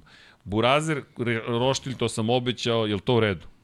Šta treba zovem Ivana dođe? Ba ne, ne, ne. ne. A, Ne, nego ćemo mi da gledamo ovaj, online kako oni uživaju a, pored kako oni roštilja. jedu, da. a, pa do, to je nama I to je okej, To je to je nama fetiš, da gledamo kako drugi jedu. Pa da, to je. Od uvijek sam Ne, to voleo. mi ćemo kupiti oni čipsi sa, sa mirisom roštilja, pa... Pa jao, da. Znaš, pa da. ćemo da... Predivno si se ovog To, to, je, to je stvarno. 3D u stvari, znaš. Da, da, da. 4D, kako već zovu. Jedva čekam. Da. IMAX. E, evo, e, smislio sam način kako ćemo, dakle, imate majice, ja mislim da su od sada prisutne na web sajtu. Ko želi da kupi zmaja, e, od noća, to je zmaja, e, imate mogućnost, dakle, odite na majice, očigledno. tamo Zmaja od februara. Pojavi, od, zmaja od februara. Valjda se pojavio. Jeste, pojavio se. Uček, stavit ću vam link i e, cena je specijalna, to jest biće ona jednog dana negde. Znaš kad smo i krenuli prvi put, pa kao cena je viša, pa je godinu dana stajala, kao nije. Ova cena, ako se pitate zašto je 2563, jednog dana će se sve to objasniti, samo što trenutno ne mogu podesni sajt pametniji od ovoga. I evo vam link, ljudi, ko želi da izgleda kao Paja da nosi ovu majicu, dakle zmaj, da, da vidite, oba, ne na, drugu, na drugu stranu, a? Može sada da je kupi na sajtu. Made in China, made in Serbia, zapravo made in, made in na Voždovac, zato što tamo je Medoni koji to šije za nas. Tako da znate. Ne, nije Voždovac, izvinjam se, Vidikovac. Ja, u 10% čoveka. Da. Oh, Pogrešio sam. Kiks. Kiks, kiks, kiks, izvinjavam se. Eto, pa ko želi, neka izvoli. E, rado ćemo, inače, isporuka počinje, u proizvodnji su Medoni ih pravi, vidite ih. Da, poklonili smo Ivanu danas jednu. E, baš smo ponosni, ovo nam je prva ma specijalna majica. Ulazimo u fashion industry. Fashion collection. Evo ga čovjek, inače, on me natera, on mi je rekao, a, ako nađeš žutu, žutu majicu, jesam, jesam našao žuti pamuk. Jesmo ga uvezli iz Turske celu balu, ali ova žuta je stigla. To je bilo jedino rešenje da, da nađemo ovu žutu, jer žuta koju smo prvo dobili, odgovor je bio, a ta žutu, tu žutu, će, deki, deki, molim vas kolega, dajte deki, imamo mi Da, imamo mi, imamo još manekene, Vi, a, to je taj moment. Tako da znate, ako hoćete da podržite ekipu, tu smo. Kako? Da moram da menjam boju za sledeću godinu. Što da menjamo boju za sledeću godinu? Č- Ma, mogu oni sad da menjaju šta hoće. Nek pošalju balu i Neka oni- iz neka oni promene, neka vrate nek boju. promene oni boje, ne. Nek se oni nama prilagode. E, Sara Nistanović, e, majica nema trenutno u studiju, bit će sledećeg petka. Medonih proizvodi as we speak. Ovo su prototipi. Štanci. Ne, napravio nam je prototip. Zar ne čuješ, Saro, kako, se šta, e, kako ne, radi ozbiljno, mašina? stvarno radi. ne, a napravio nam je prototip e, dimenzija M, rekao, pa daj Matija, kako da, inače, majice se, majice se šiju. Šiju, ne, ne, ovo su da, da, šiju da. majice, Medonih šije, posebno štampa, Dakle, ljudi, stvarno se trudimo da bude, i, i bit će tu sad nekih detalja ovde, pozadi i tako. Vidjet ćete, ovo nije kompletno, zato Ali što realno, ovde o, o, nedostaje. crna je najbolja definitivno. Ne, crna baš dobro izgleda. A, mada on to kaže, ja, opet sam, opet sam naseo, ne mogu da verujem. Dobri, Jao! pošteni Srđan Erceg. Kako sam naivan, ne verujem šta mi radi danas. Znači, voza me je kao, dobro, neka, neka, zato prosto je Pa prijatelj. dobro, najbolje, ali šta, meni jeste najbolje. Ne, ali, moram Bolje da... pa je da te voze. E, nego- ali, hvala ti, Deki, je. ali moram nešto još da kažem. Danas, kada smo išli kod Ivana, rekao je, Paja, moraš Srki da odneseš crvenu majicu. Pošto Ivan navija za crvenu zvezdu i bez obzira što je Paja normalno. partizanovac, ideš kod nekoga u goste i kultura nalaže, poštuješ red je Pa, i dali smo mu crvenu Pa majicu. poente da on nosi, a ne, Tako je. A ne da je šta? A ne da je stavi negde, znaš, kao. Briše prašinu, šta? Pa da, pa dobro, mislim, Ivan je. ne, Ja sam dosta belo-crnih i crno-belih poklonio sve, okej. Pa naravno. ne, ne, poštujemo jedni drugi sve. Pa do, To pogotovo Ivan. Ivan je stvarno car. Nego, znaš kako, ovaj Schumacher kod Dekija stoji ovako crveno i crno. Koji će naslov da bude za Hamiltona? To Pa će autor da, Isti, da odredi. istina. To će autor da odredi. ja gledam Neki, autora. ne, gledaš. Ne, ne, be, be, ne, nešto, bit će crno i crveno. crno i crveno. Pa ne, ne, sve je okej. Vidi, on spaja sve boje, pazi, to, to je baš ozbiljna priča. Ovo će da bude zanimljivo. Srebrno, crno, crveno. Ajmo da vidimo. Dobro. E, ima još neko neko pitanje? Svi ovi uču- učutali su se. Nema Više- niko pitanja. Zvaće se više slojeva boje. E, u, čekaj, čekaj. E, može li ime linka firme štampari za pravi majice koji radi etikete za majicu treba za firmu, može i ta firma gde vi radite. Medoni se zove gospodin koji to radi. Evo, odmah ja vam to pošaljem, ljudi. Ali to mi služi zajednica, ljudi. Mi, mi, mi uživamo u životu. Evo, Medoni. .rs, zovnite Matiju i recite mi, uputili nas iz Lab 76. Ne, Trenutno nećete- se rade lap majice, rade se majice za svetsko prvenstvo u indoor rowingu, Tako je. svašta se radi. Opa!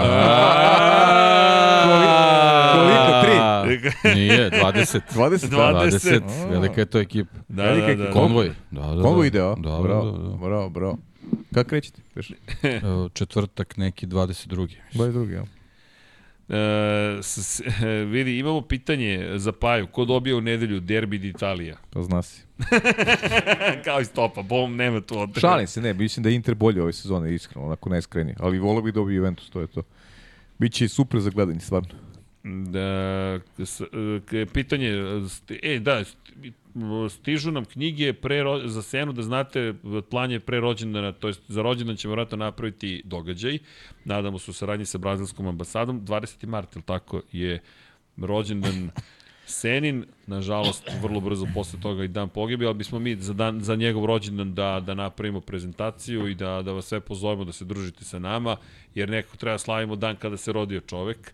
Naravno, ove godine 30 godina od kada je poginuo Ayrton Sena, ali eto, čisto da znate da, da je to koncept koji bismo volili nekako da, da sprovedemo u delo i da se svi zajedno skupimo i da, da ne bude tuge, nego da pričamo o onome što je Sena inspirisao zapravo sve zajedno i cijela ova priča sa Netflixom se poklopa sa 30 godina od njegovog nažalost, tragičnog dana, dan pre toga Roland Ratzenberger je poginuo, uvek spominjem i Rolanda Ratzenbergera, tog dečka ne treba zaboraviti, naravno da je u senci pogibi Artona Sene, ali mi smo izgubili dva čoveka, dva ljudska bića tog vikenda u Imoli 1994. godine i Roland Ratzenberger treba da bude takođe zapamćen.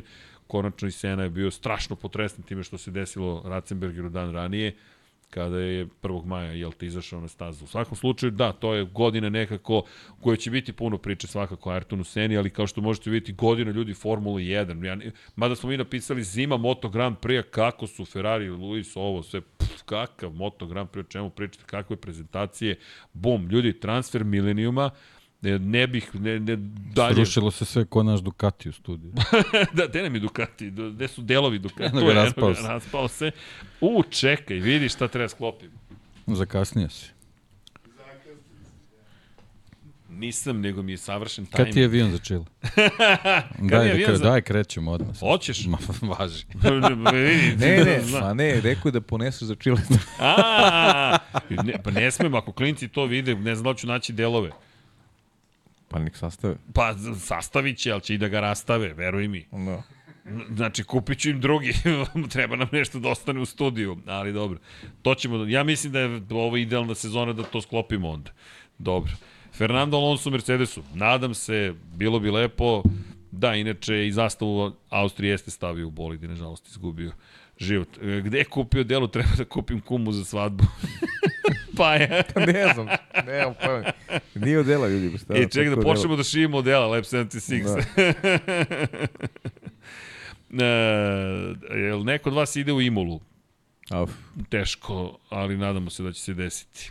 Ako, se ikako, ako ga ikoga zanimalo ko je šef Infinity Lighthouse, to je gospodin u smokingu, Paja 007. to, je, to je istina. Sad se više ni ne krije. Obuko je svoje radno delo za podcast. Da. Promenit će se odelo već u ponedljak.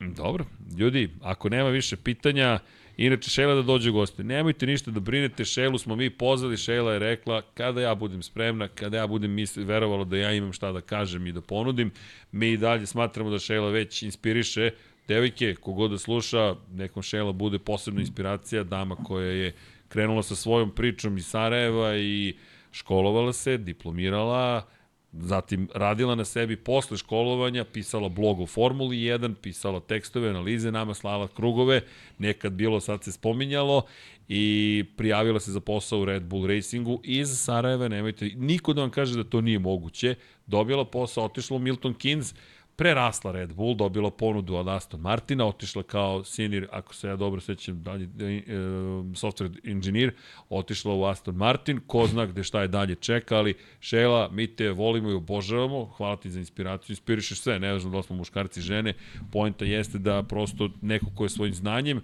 i kulturom došao do toga da radi u Formuli 1. I da, iz Bosne i Hercegovine, ni na kakvu vezu, nema pasoš Evropske unije, možda će imati sada pasoš Velike Britanije, ne znamo, to je njena intimna stvar, ali samo hoću da vam kažem, nemojte niko da vas ubedi da nešto ne možete da učinite. Nemojte niko da vam kaže da Lewis Hamilton neće potpisati za Ferrari, nemojte im verovati jer sam lepo rekao, tako da, Tanana, tanana, tererere. Ja vas, momci, ne bih zadržavao previše, mislim da... Doviđenja. mislim da mislim da je ovo 44. spominjanje. Pozdrav. Uživajte, čujemo se. Pozdrav, Ćao, čao. čao, čao. I mislim da je ovo tekako sve lepo. Je, bro, ovdje je brojao, verovatno, znaš, Deki?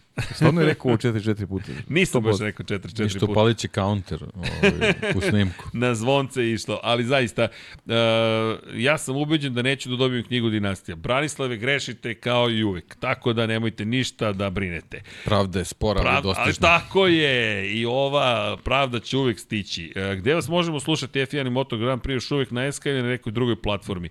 Andrej Ljubić, pa na sport klubu. Ovo je, tako da tu smo. E, Srki rekao si, to ime došao Luis Ferrari, čao svima. Da, nisam još. E, Michael Jordan, ni, ok, sad samo po neki razgovor. Glavni inženjer Ferrari F1 tima Sheila 2025. Pa prijelo bi im da ona to postane. E, da li postoji opcija za SK da se plati online? Ja mislim da, da preko EONA to možete. Može da, preko da idete. da. Može. E, sp- dinastija je spora, ali dostižna. Tako je. Sam rekao udari like. Ne znam da li su udari like, ja ne vidim like Meni se ovde šlogirao studio, tako da znate. Koga bi deki za novog trenera Liverpoola? Alonso možda? ne znam, sad se ja smijem samo Ma ovako. da, da, da. Dobro, To ne bi znam da bilo lepo. to. Ne, ne znam ko je Alonso. Evo, Pajma. Trener Pa I Leverkusen. ne moraš da znaš. Ne, Fer, okej. Fernando nije sigurno. Da. Dobro. I ne razume. Mirno spavaj nije Fernando. Samo da znate, a ovo su mi prijatelji.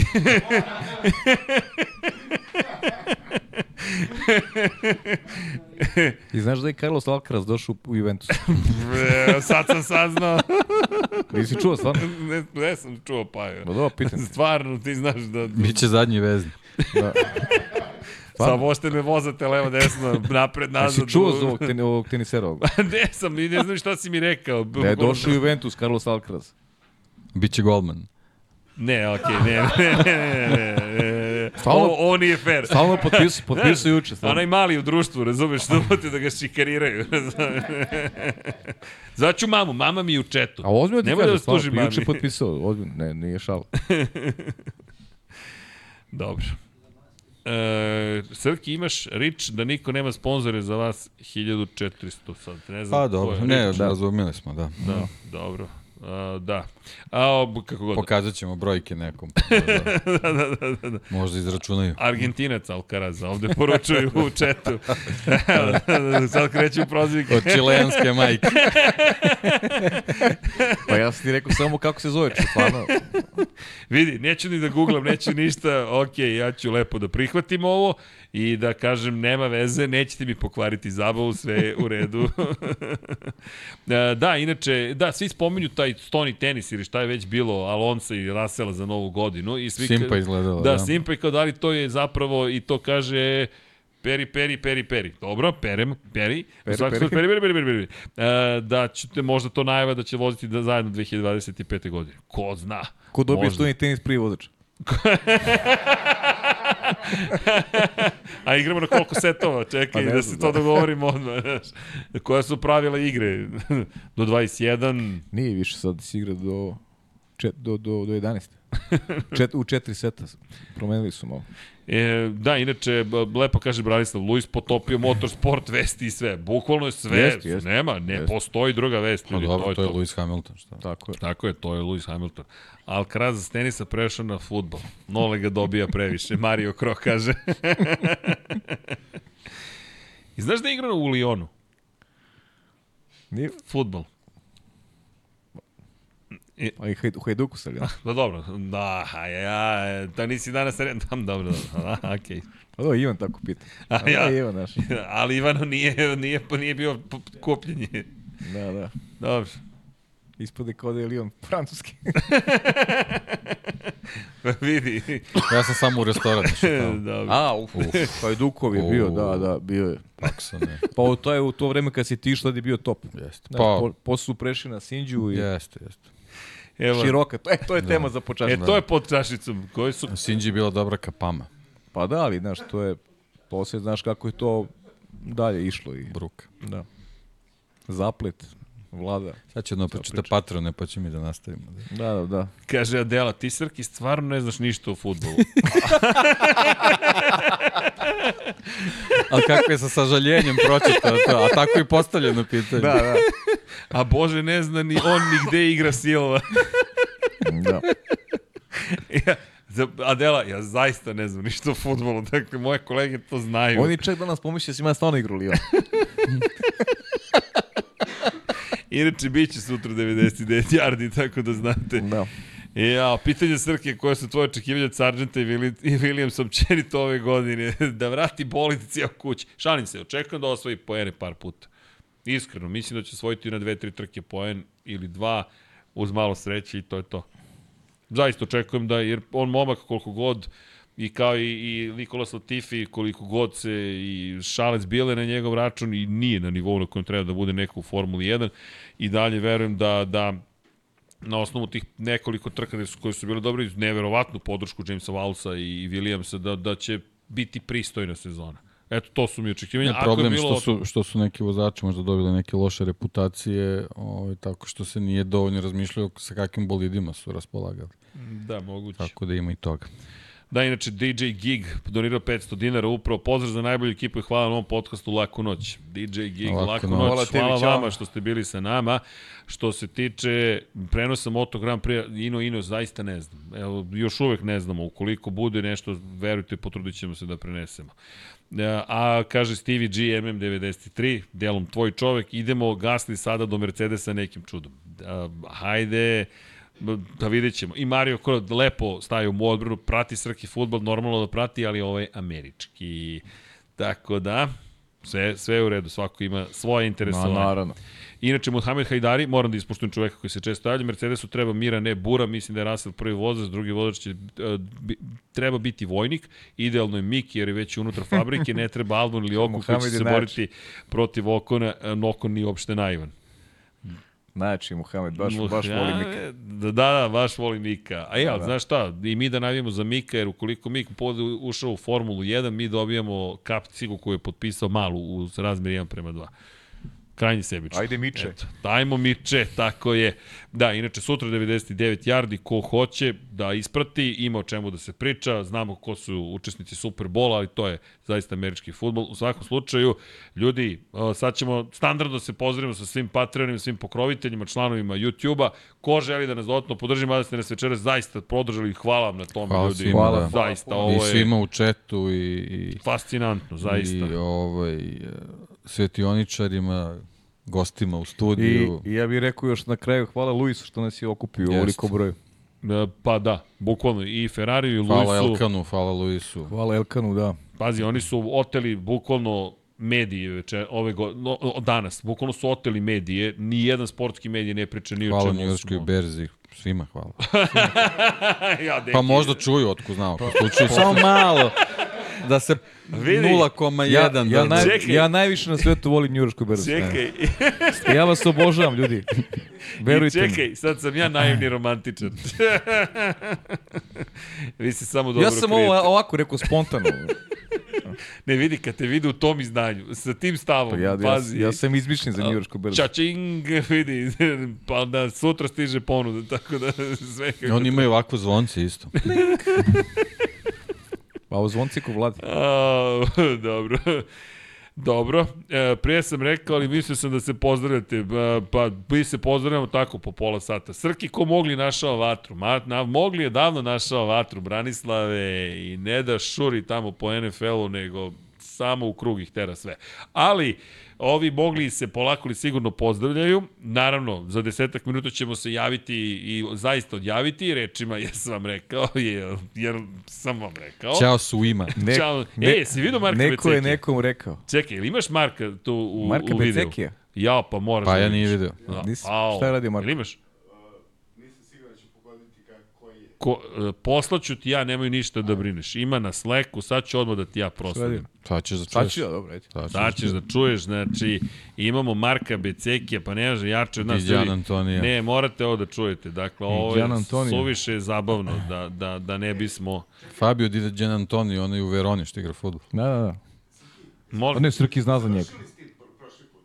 Kako, da li smo završili s njim? Ne, pitaš me, dede, e, vidi, ja ti šaljem, nemoj uopšte da brineš, nemoj da se stresiraš, ti znaš da, da, da ovde sve postoji u arhivi i da ti stiže, upravo se uploaduje u Lab 76 Slack. Ne, ovo je bilo pre, ako, Upravo se, upravo aplauz šalje. ne, ne, ovo, ovo vi nećete čuti u koji sedite s nama, nemamo monitor, ali ako pustite na mobilnim telefonima, čućete, vlada će sada da vam pusti, jer je suviše zabavno bilo. E, e, samo pali monitor i output da čuje i Čika Paja. Teča pa, ujka Paja. Šefe, pa niste nas slali na put tek tako. Tako je. Ćao vas. E, ne čuje se monitor na output. Pa sad ga namesti. Može, ka, Vlada, kako ne može, čekaj. Vlado, sve, ima- imamo vremena, Vlado. Ja, Vlado, za- trust you me, trust me. Tra, veruj mi, monitore na output, sve radi, sve radnje radimo. Mi, Deki ovde me gleda, Deki me gleda podozrivo. Ti uspeo? Pričamo mi. Pa, Pa pričamo, evo, mi mi. pričamo. Mi Mi pričamo danas ceo dan. Pričamo ceo dan, pa, e, pa družimo se ceo dan. Cijel dan, da, nismo dugo ovaj. Čekaj. Če, pričaj, pričaj, pričaj nešto. Priča, Pa pa, prič, nešto. pričaj mi. I tako, Deki, šta kažeš inače, ovako si dobar Kao, kao... dobro, dobro, kao- nije loše. Nije loše, a? Navratio danas malo do Svetogorske. Jesi, ja. Tako, pa da. Nije loše ovde u Svetogorskoj. Kažu da je bila gužva danas kad ste se vraćali. Uf, jeste. Jeste. Baš je bilo gužva. Standardno. Posle četiri. Da.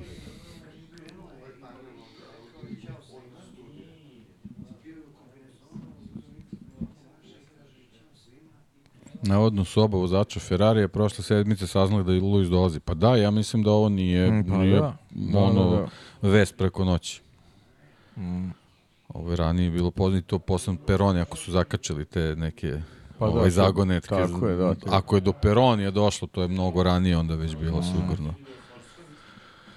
Ovaj, poznato. Izvinite, čika haker ovde mora, ako je. Ha, ha, ha, Ozbiljan si, ozbiljan si haker. Evo sad da čuje čika pa. Evo, evo, slušam. Ćao svima. Ma de je čuo, ne može se čuje. Ne može, kratko je, da. Kaže čao suvima. A, sjajno, sjajno. Tako da znaš. fenomenalno. Marko Veceki, mi ga pitam, može čao, čao tuti na srpskom? I on kaže, molim, čao svi, svima. E, Ćao svima. Onda da, da, da, da, nav- da navijamo za beceke sledeće. e, ljudi, e, idemo Ma da... da šta sam tipao danas? Na, na, ja sam tipao na banjaju. Tipove na banjaju. Meni je rekao, Ivan, daj neku ludu prognozu, ja sam rekao, ne, Bastianin.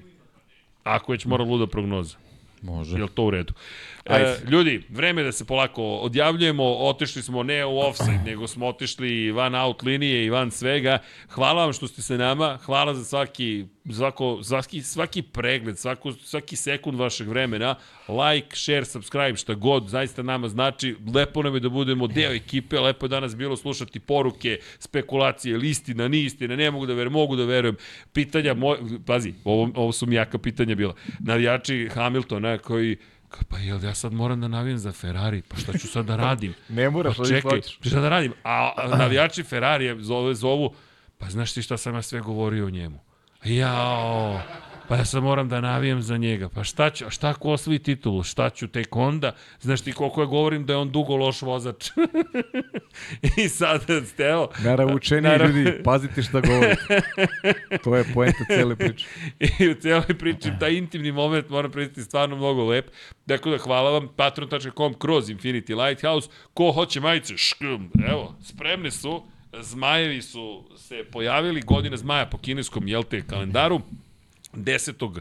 februara počinje, spremno je sve i šta da vam kažem nego hvala. Patron.com kroz Infinity Lighthouse, Takođe možete da kliknete join na YouTube-u, svaka podrška znači, evo ko je došao ovde da vidi, zna kako to izgleda, dakle jedna topla atmosfera u kojoj ima svega, igračaka do, do plafona. Tako da znate i to sve zahvaljujući vama. I kada je reč o ekipama s kojima sarađujemo, ono što smo pričali, dakle Moto Grand Prix, odatle smo krenuli, vidjet ćemo da li će nam Haas dati dozvolu da prenosimo, ako budemo mogli, super, ako ne, ljudi, potrudit ćemo se neki re-live da, da odradimo, u svakom slučaju pomeramo se svake godine korak po korak i želja nam je da budemo još bolji. Sve opet zahvaljujući vama, tako da hvala. A ovo je večeri i zahvaljujući Luisu Hamiltonu i Ferrariju. Hvala! A sada idemo da se zahvalimo onima koji nas podržavaju. Vlado, jesmo spremni? Trljamo ruke, zašto? Zato što 10 minuta imamo da malo stojimo, a ova gospoda nemam pojma da će. Obično nestanu ovde i malo odmore, prošetaju, možete da trčite jedno 400 metara. To ćemo sigurno. Za Pa 10 ja sam minuta. baš obukao za, za trčanje. Spreman si. E, Ljudi, hvala još jednom, želimo vam laku noć, mazite se, pazite se, vozite računa jedni u drugima, vidimo se ko je strpljivi za desetak minuta, ali šaljamo vam puno ljubavi, naravno, uživajte. Vlado, da krenemo mi u akciju, da se zahvalimo. Bata Brada, Miloš Rosandić, Simović, Sarajevo, Vladan Miladinović, Jasmina Pešić, Stefan Janković, Ivan Maja Stanković, Stefan Milošević, Branislav Kovačević, Mihovil Stamičar, Ivan Rečević, Alen Vuletić, Dušan Delić, Branko Bisački, Alen Stojčić, Aleksandar Mitrović, Danijela Ilić, Darko Trajković, Mare, Igor Vučković, Novica Badrljica, Nedim, Šmele, Vladimir Mutić, Ivana, Aleksandar, Stevan Zekanović, Ljiljana Milutinović, Lazar Hristov, Stefan Stanković, Bojana Zrnić, Dimitar Vasilev, Ivan Toškov, Mihajlo Krgović,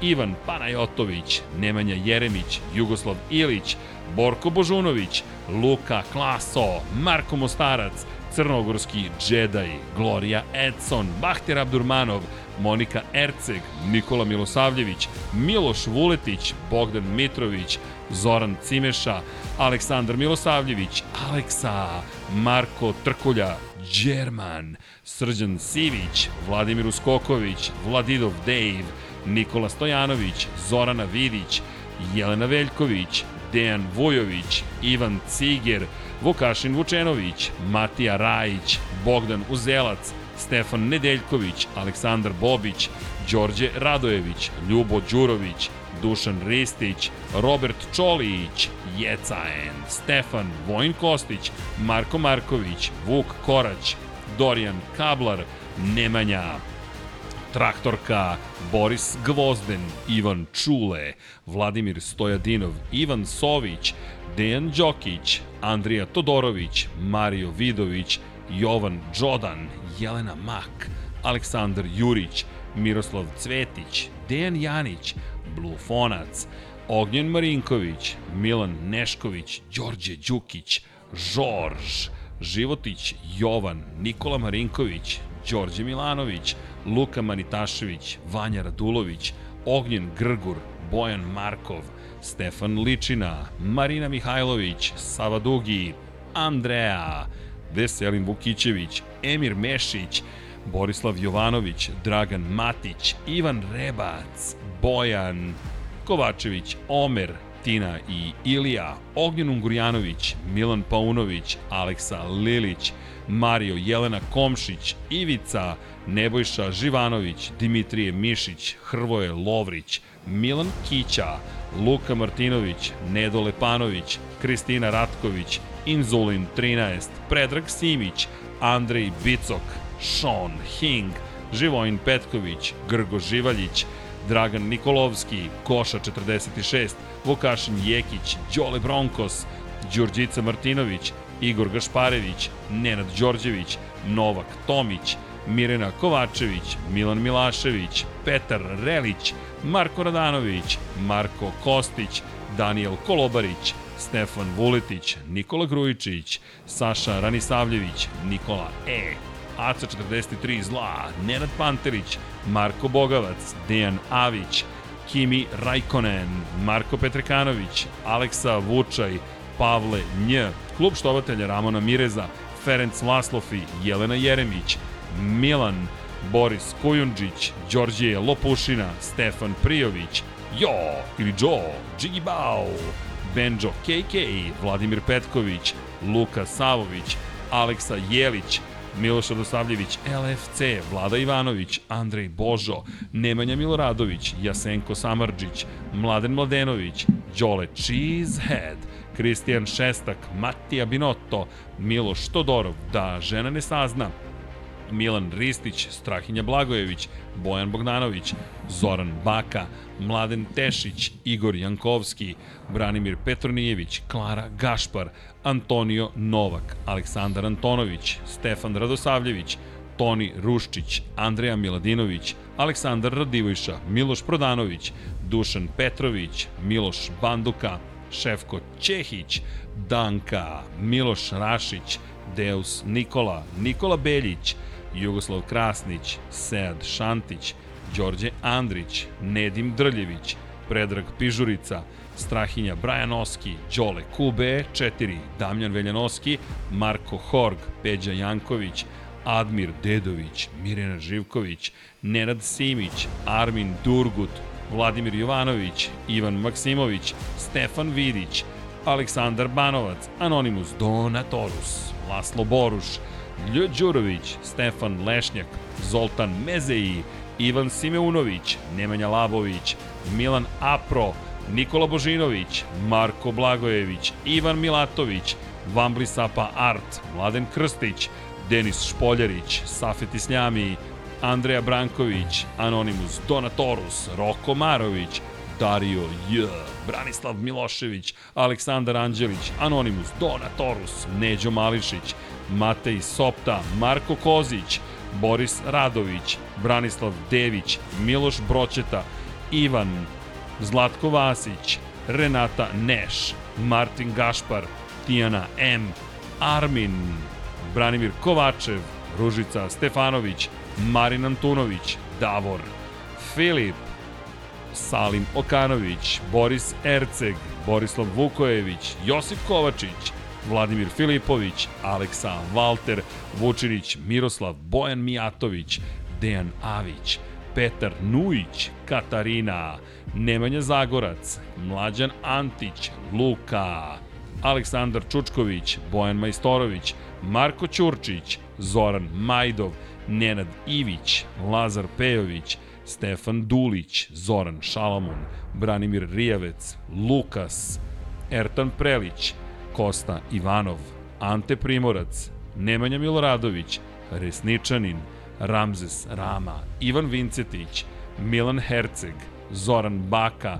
Amar Taso, Domagoj Kovač Rajkov, Bojan Markov, Milorad Reljić, Konstantin Mlinarević, Nemanja, Pavle Lukić, Zoran Mladenović, Vladimir Vujičić, Eldin Polovina, Uroš Čuturilo, Saša Stevanović, Pujo, i Karting centar Jagodina, Nikola Hrnjaković, Slaven 84, Vojislav Tadić, Aleksandar Jokić, Goran Mrđenović, Ivor M, Future Graciano Rossi, Jovan Bojanić, Marko Jevtić, Ada Sokolović, Deni Fejzić, Škundra, Milanka Marunić, Drago Veković, Alen Jesenović, Vlada Ivanović, Mrča, Omer Sarajlić, Miloš Zed, LFC, Milan Knežević, Kromid, Miloš Rašić, Nikola Vulović, Nikola Grđan, Stefan Škrbić, Edin Ustavdić, Bojan Stanković, Marko Lučić, Vladimir Bulatović, Nikola Adamović,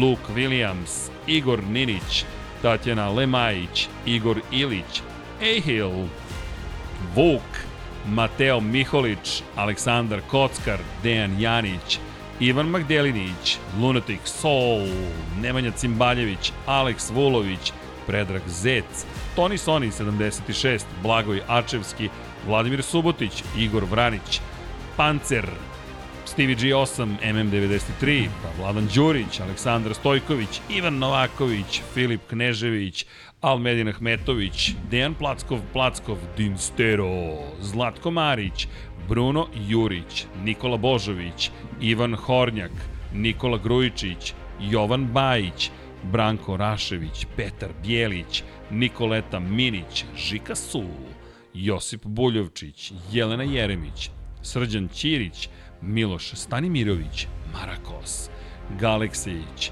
Uroš Ćosić, Josip Daničić, Oliver Nikolić, EP, IP, Ivan Božanić, Vladan Miladinović, Tomić Miloš, Ivan Vujasinović, Aleksandar Egerić, Bojan Gitarić, Vlado Jurčec, Mateja Nenadović, Krorobi 00, Bakadu, Ćera 7, Anonimus Donatorus, Đorđe Janjić, Nemanja Bračko, Aleksandar, Marko Bogavac, Mensur Kurtagić, Peja MD koji neće da navija, Mirko Novaković, Nedžad Mrakić, Andreja David, Katarina Stepanović, Almir Vuk, Aleksandar Radivojša, Marina i Đorđe Pajović Vujković. Peja MD, šta kaže? Neću da navijam. Polako, Pejo, ajde da vidimo, ako počnu da se nižu neke pobedice, pol pozicije, svašta tu A, može da šta, se desi. Lako mogu i sada da kaže, vidjet ćemo 2025. To šta će biti izazov, Pejo, 2025. Ali dobro, svakako istorija se desila, ponovo smo bili zajedno kao deo te istorije. Lewis Hamilton, novi vozač od 2025. Ferrarija, Jesam vam rekao, naravno da jesam, ali pratite Lab 76 i uživajte. Zadovoljstvo je s ovim dragim ljudima, prijateljima i čudacima i znalcima raditi sve ovo, ovo nije posao, ovo je čista ljubav. Vlado, može jedna šestica ili kako god da se zove, da bacimo pogled na potpuno zainteresovane direktore, preduzeća koje se ni ne vide, ali nema veze. U svakom slučaju, ljudi, na 1, 2, 3, 4, 5, 7, 6, Lewis Hamilton, Ferrari, Ćao svima!